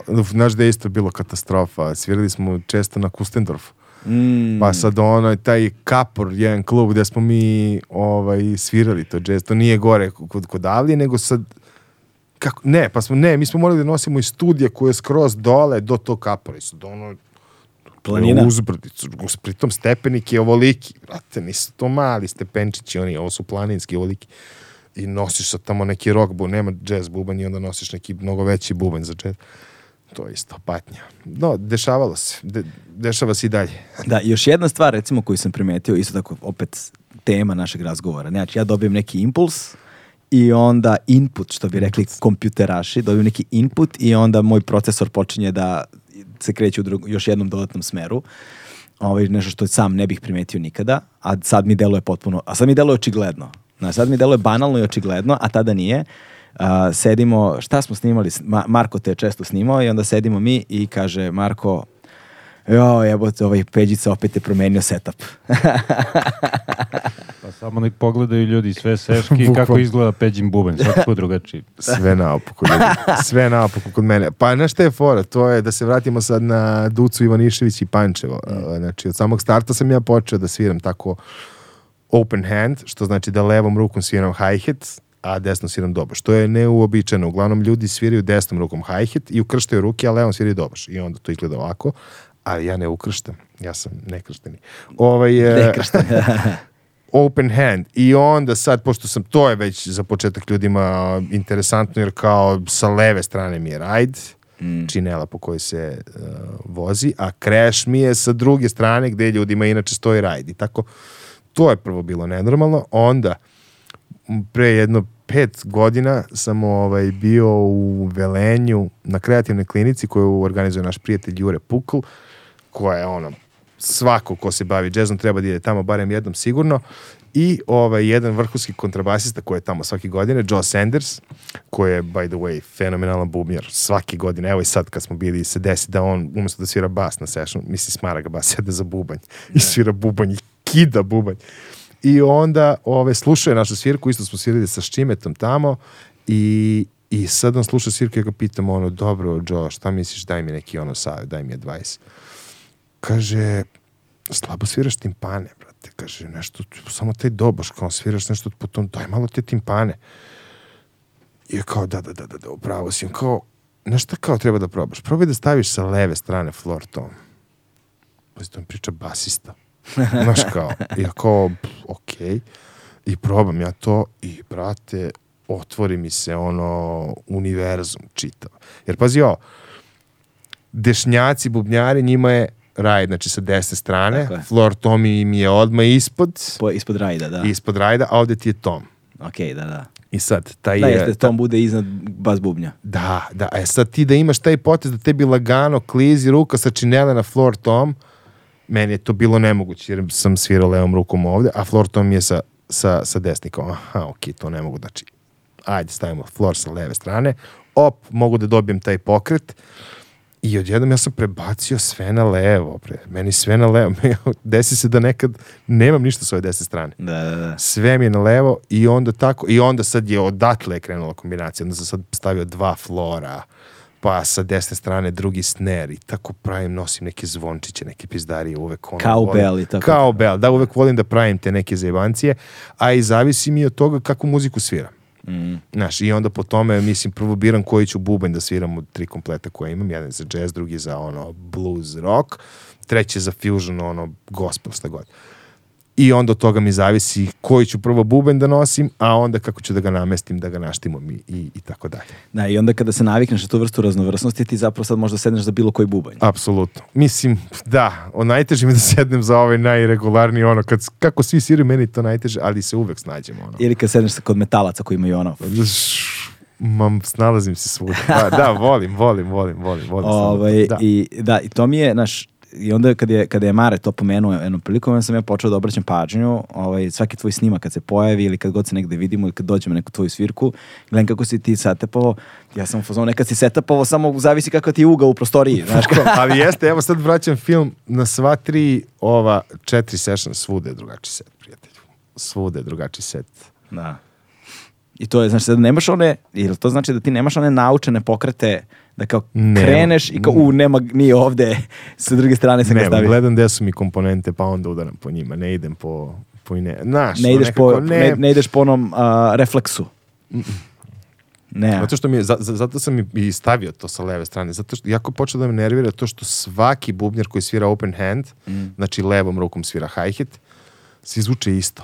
Baš zbog toga što su im ono, ta, daleko su im ti timpani od ovoga, oni mo, mora da prekine da svira sve ostalo da bi uključio timpane. To je počelo da me nervira. Nisam htio, ono, zvučim jak, bolje mi je da zvučim kao dešnjaci, kao svi normalni, kojih ima mnogo, mnogo više, nego kao svi ono levoruki bubnjari koji sviraju taj open hand, neko, baš je počeo da me smara i onda sam bio u "Mm, neću to da radim, daj ovamo sa leve, daj sve na levo. da. Tako da, hvala Joe Sandersu koji me je, ono, stvarno mi otvorio mi mozak, brate. Znaš, Basista. ono, meni je bilo fascinantno da ti šta? basista, tako neko, znači, ovaj bubnjar tamo, ono, pričamo o ženama. Znaš, ništa mi nije rekao za budaj, druže, oj, Joe, vidiš, drugi, dru, drugi tip. Drugi tip, to je, na, znaš, na, kraju, na kraju je sve ipak do ljudi. Da. Znaš, na kraju je sve ipak do ljudi. Kućo, ovaj, ja, moguće da je gotovo, joj, vrate, brate. to mi reci, gotovo. Koliko je prošlo, da? nemam pojma koliko smo Ljudi, trajali. mnogo je bilo brzo. Ne, 2 i 17. Vrlo. Skoro dva i po sata, brate. Ne mogu, hvala ti kućo. Niko me nikad ovako nije opustio pred Da, da. kamerama i pred mikrofonom. Hvala ti puno. Da, to je bila tema, pošto nisi baš pričljiv nešto posebno Nisam. pred kamerama, ali evo vidiš. Nisam osetio, majke mi. Sve Ovo može. Ne mogu da verujem. Da, a Sve zavisi ko ti intervjueše, kakva je publika tu, I koje su teme? koje su teme. Evo da, to. ovo očigledno znam. Dobro. ovo je jedna od retkih tema. Koje znam. Bilo, bilo, bi, bilo bi greota da ne znaš. Da, da, bilo Znaš, bi. bilo bi greota da ne znaš. To je to. Hvala ti puno. A, Drum Booty Instagram. U, krećem novu bubnjarsku karijeru. Ljudi, pratite Instagram, uh, ovaj, uh, nova bubnjarska senzacija na Instagram. Drum Booty Instagram ili Peđa Milutinović. Ili kako? Drum Booty, Drum Booty, da. Drum Booty Instagram. A, ili imaš ono Bandcamp i to sve. Imam Bandcamp, To tako ćemo- isto Drum Booty, Peđa Milutinović, sve ćemo da stavimo dole link in description. Tako je, u opisu će da Tako stoji je. sve, kliknite, poslušajte, muzika je svuda dostupna, Creality, Jeste. ono je, novi album je tu, Tako brate, je, sve tu. da Ljudi, čujete- hvala. da čujete kako, zvuči, kako zvuče malobrojni, genijalni muzičari na našim prostorima. To je to, stigli smo do kraja. brate. Ćao. Vidimo se, ćao.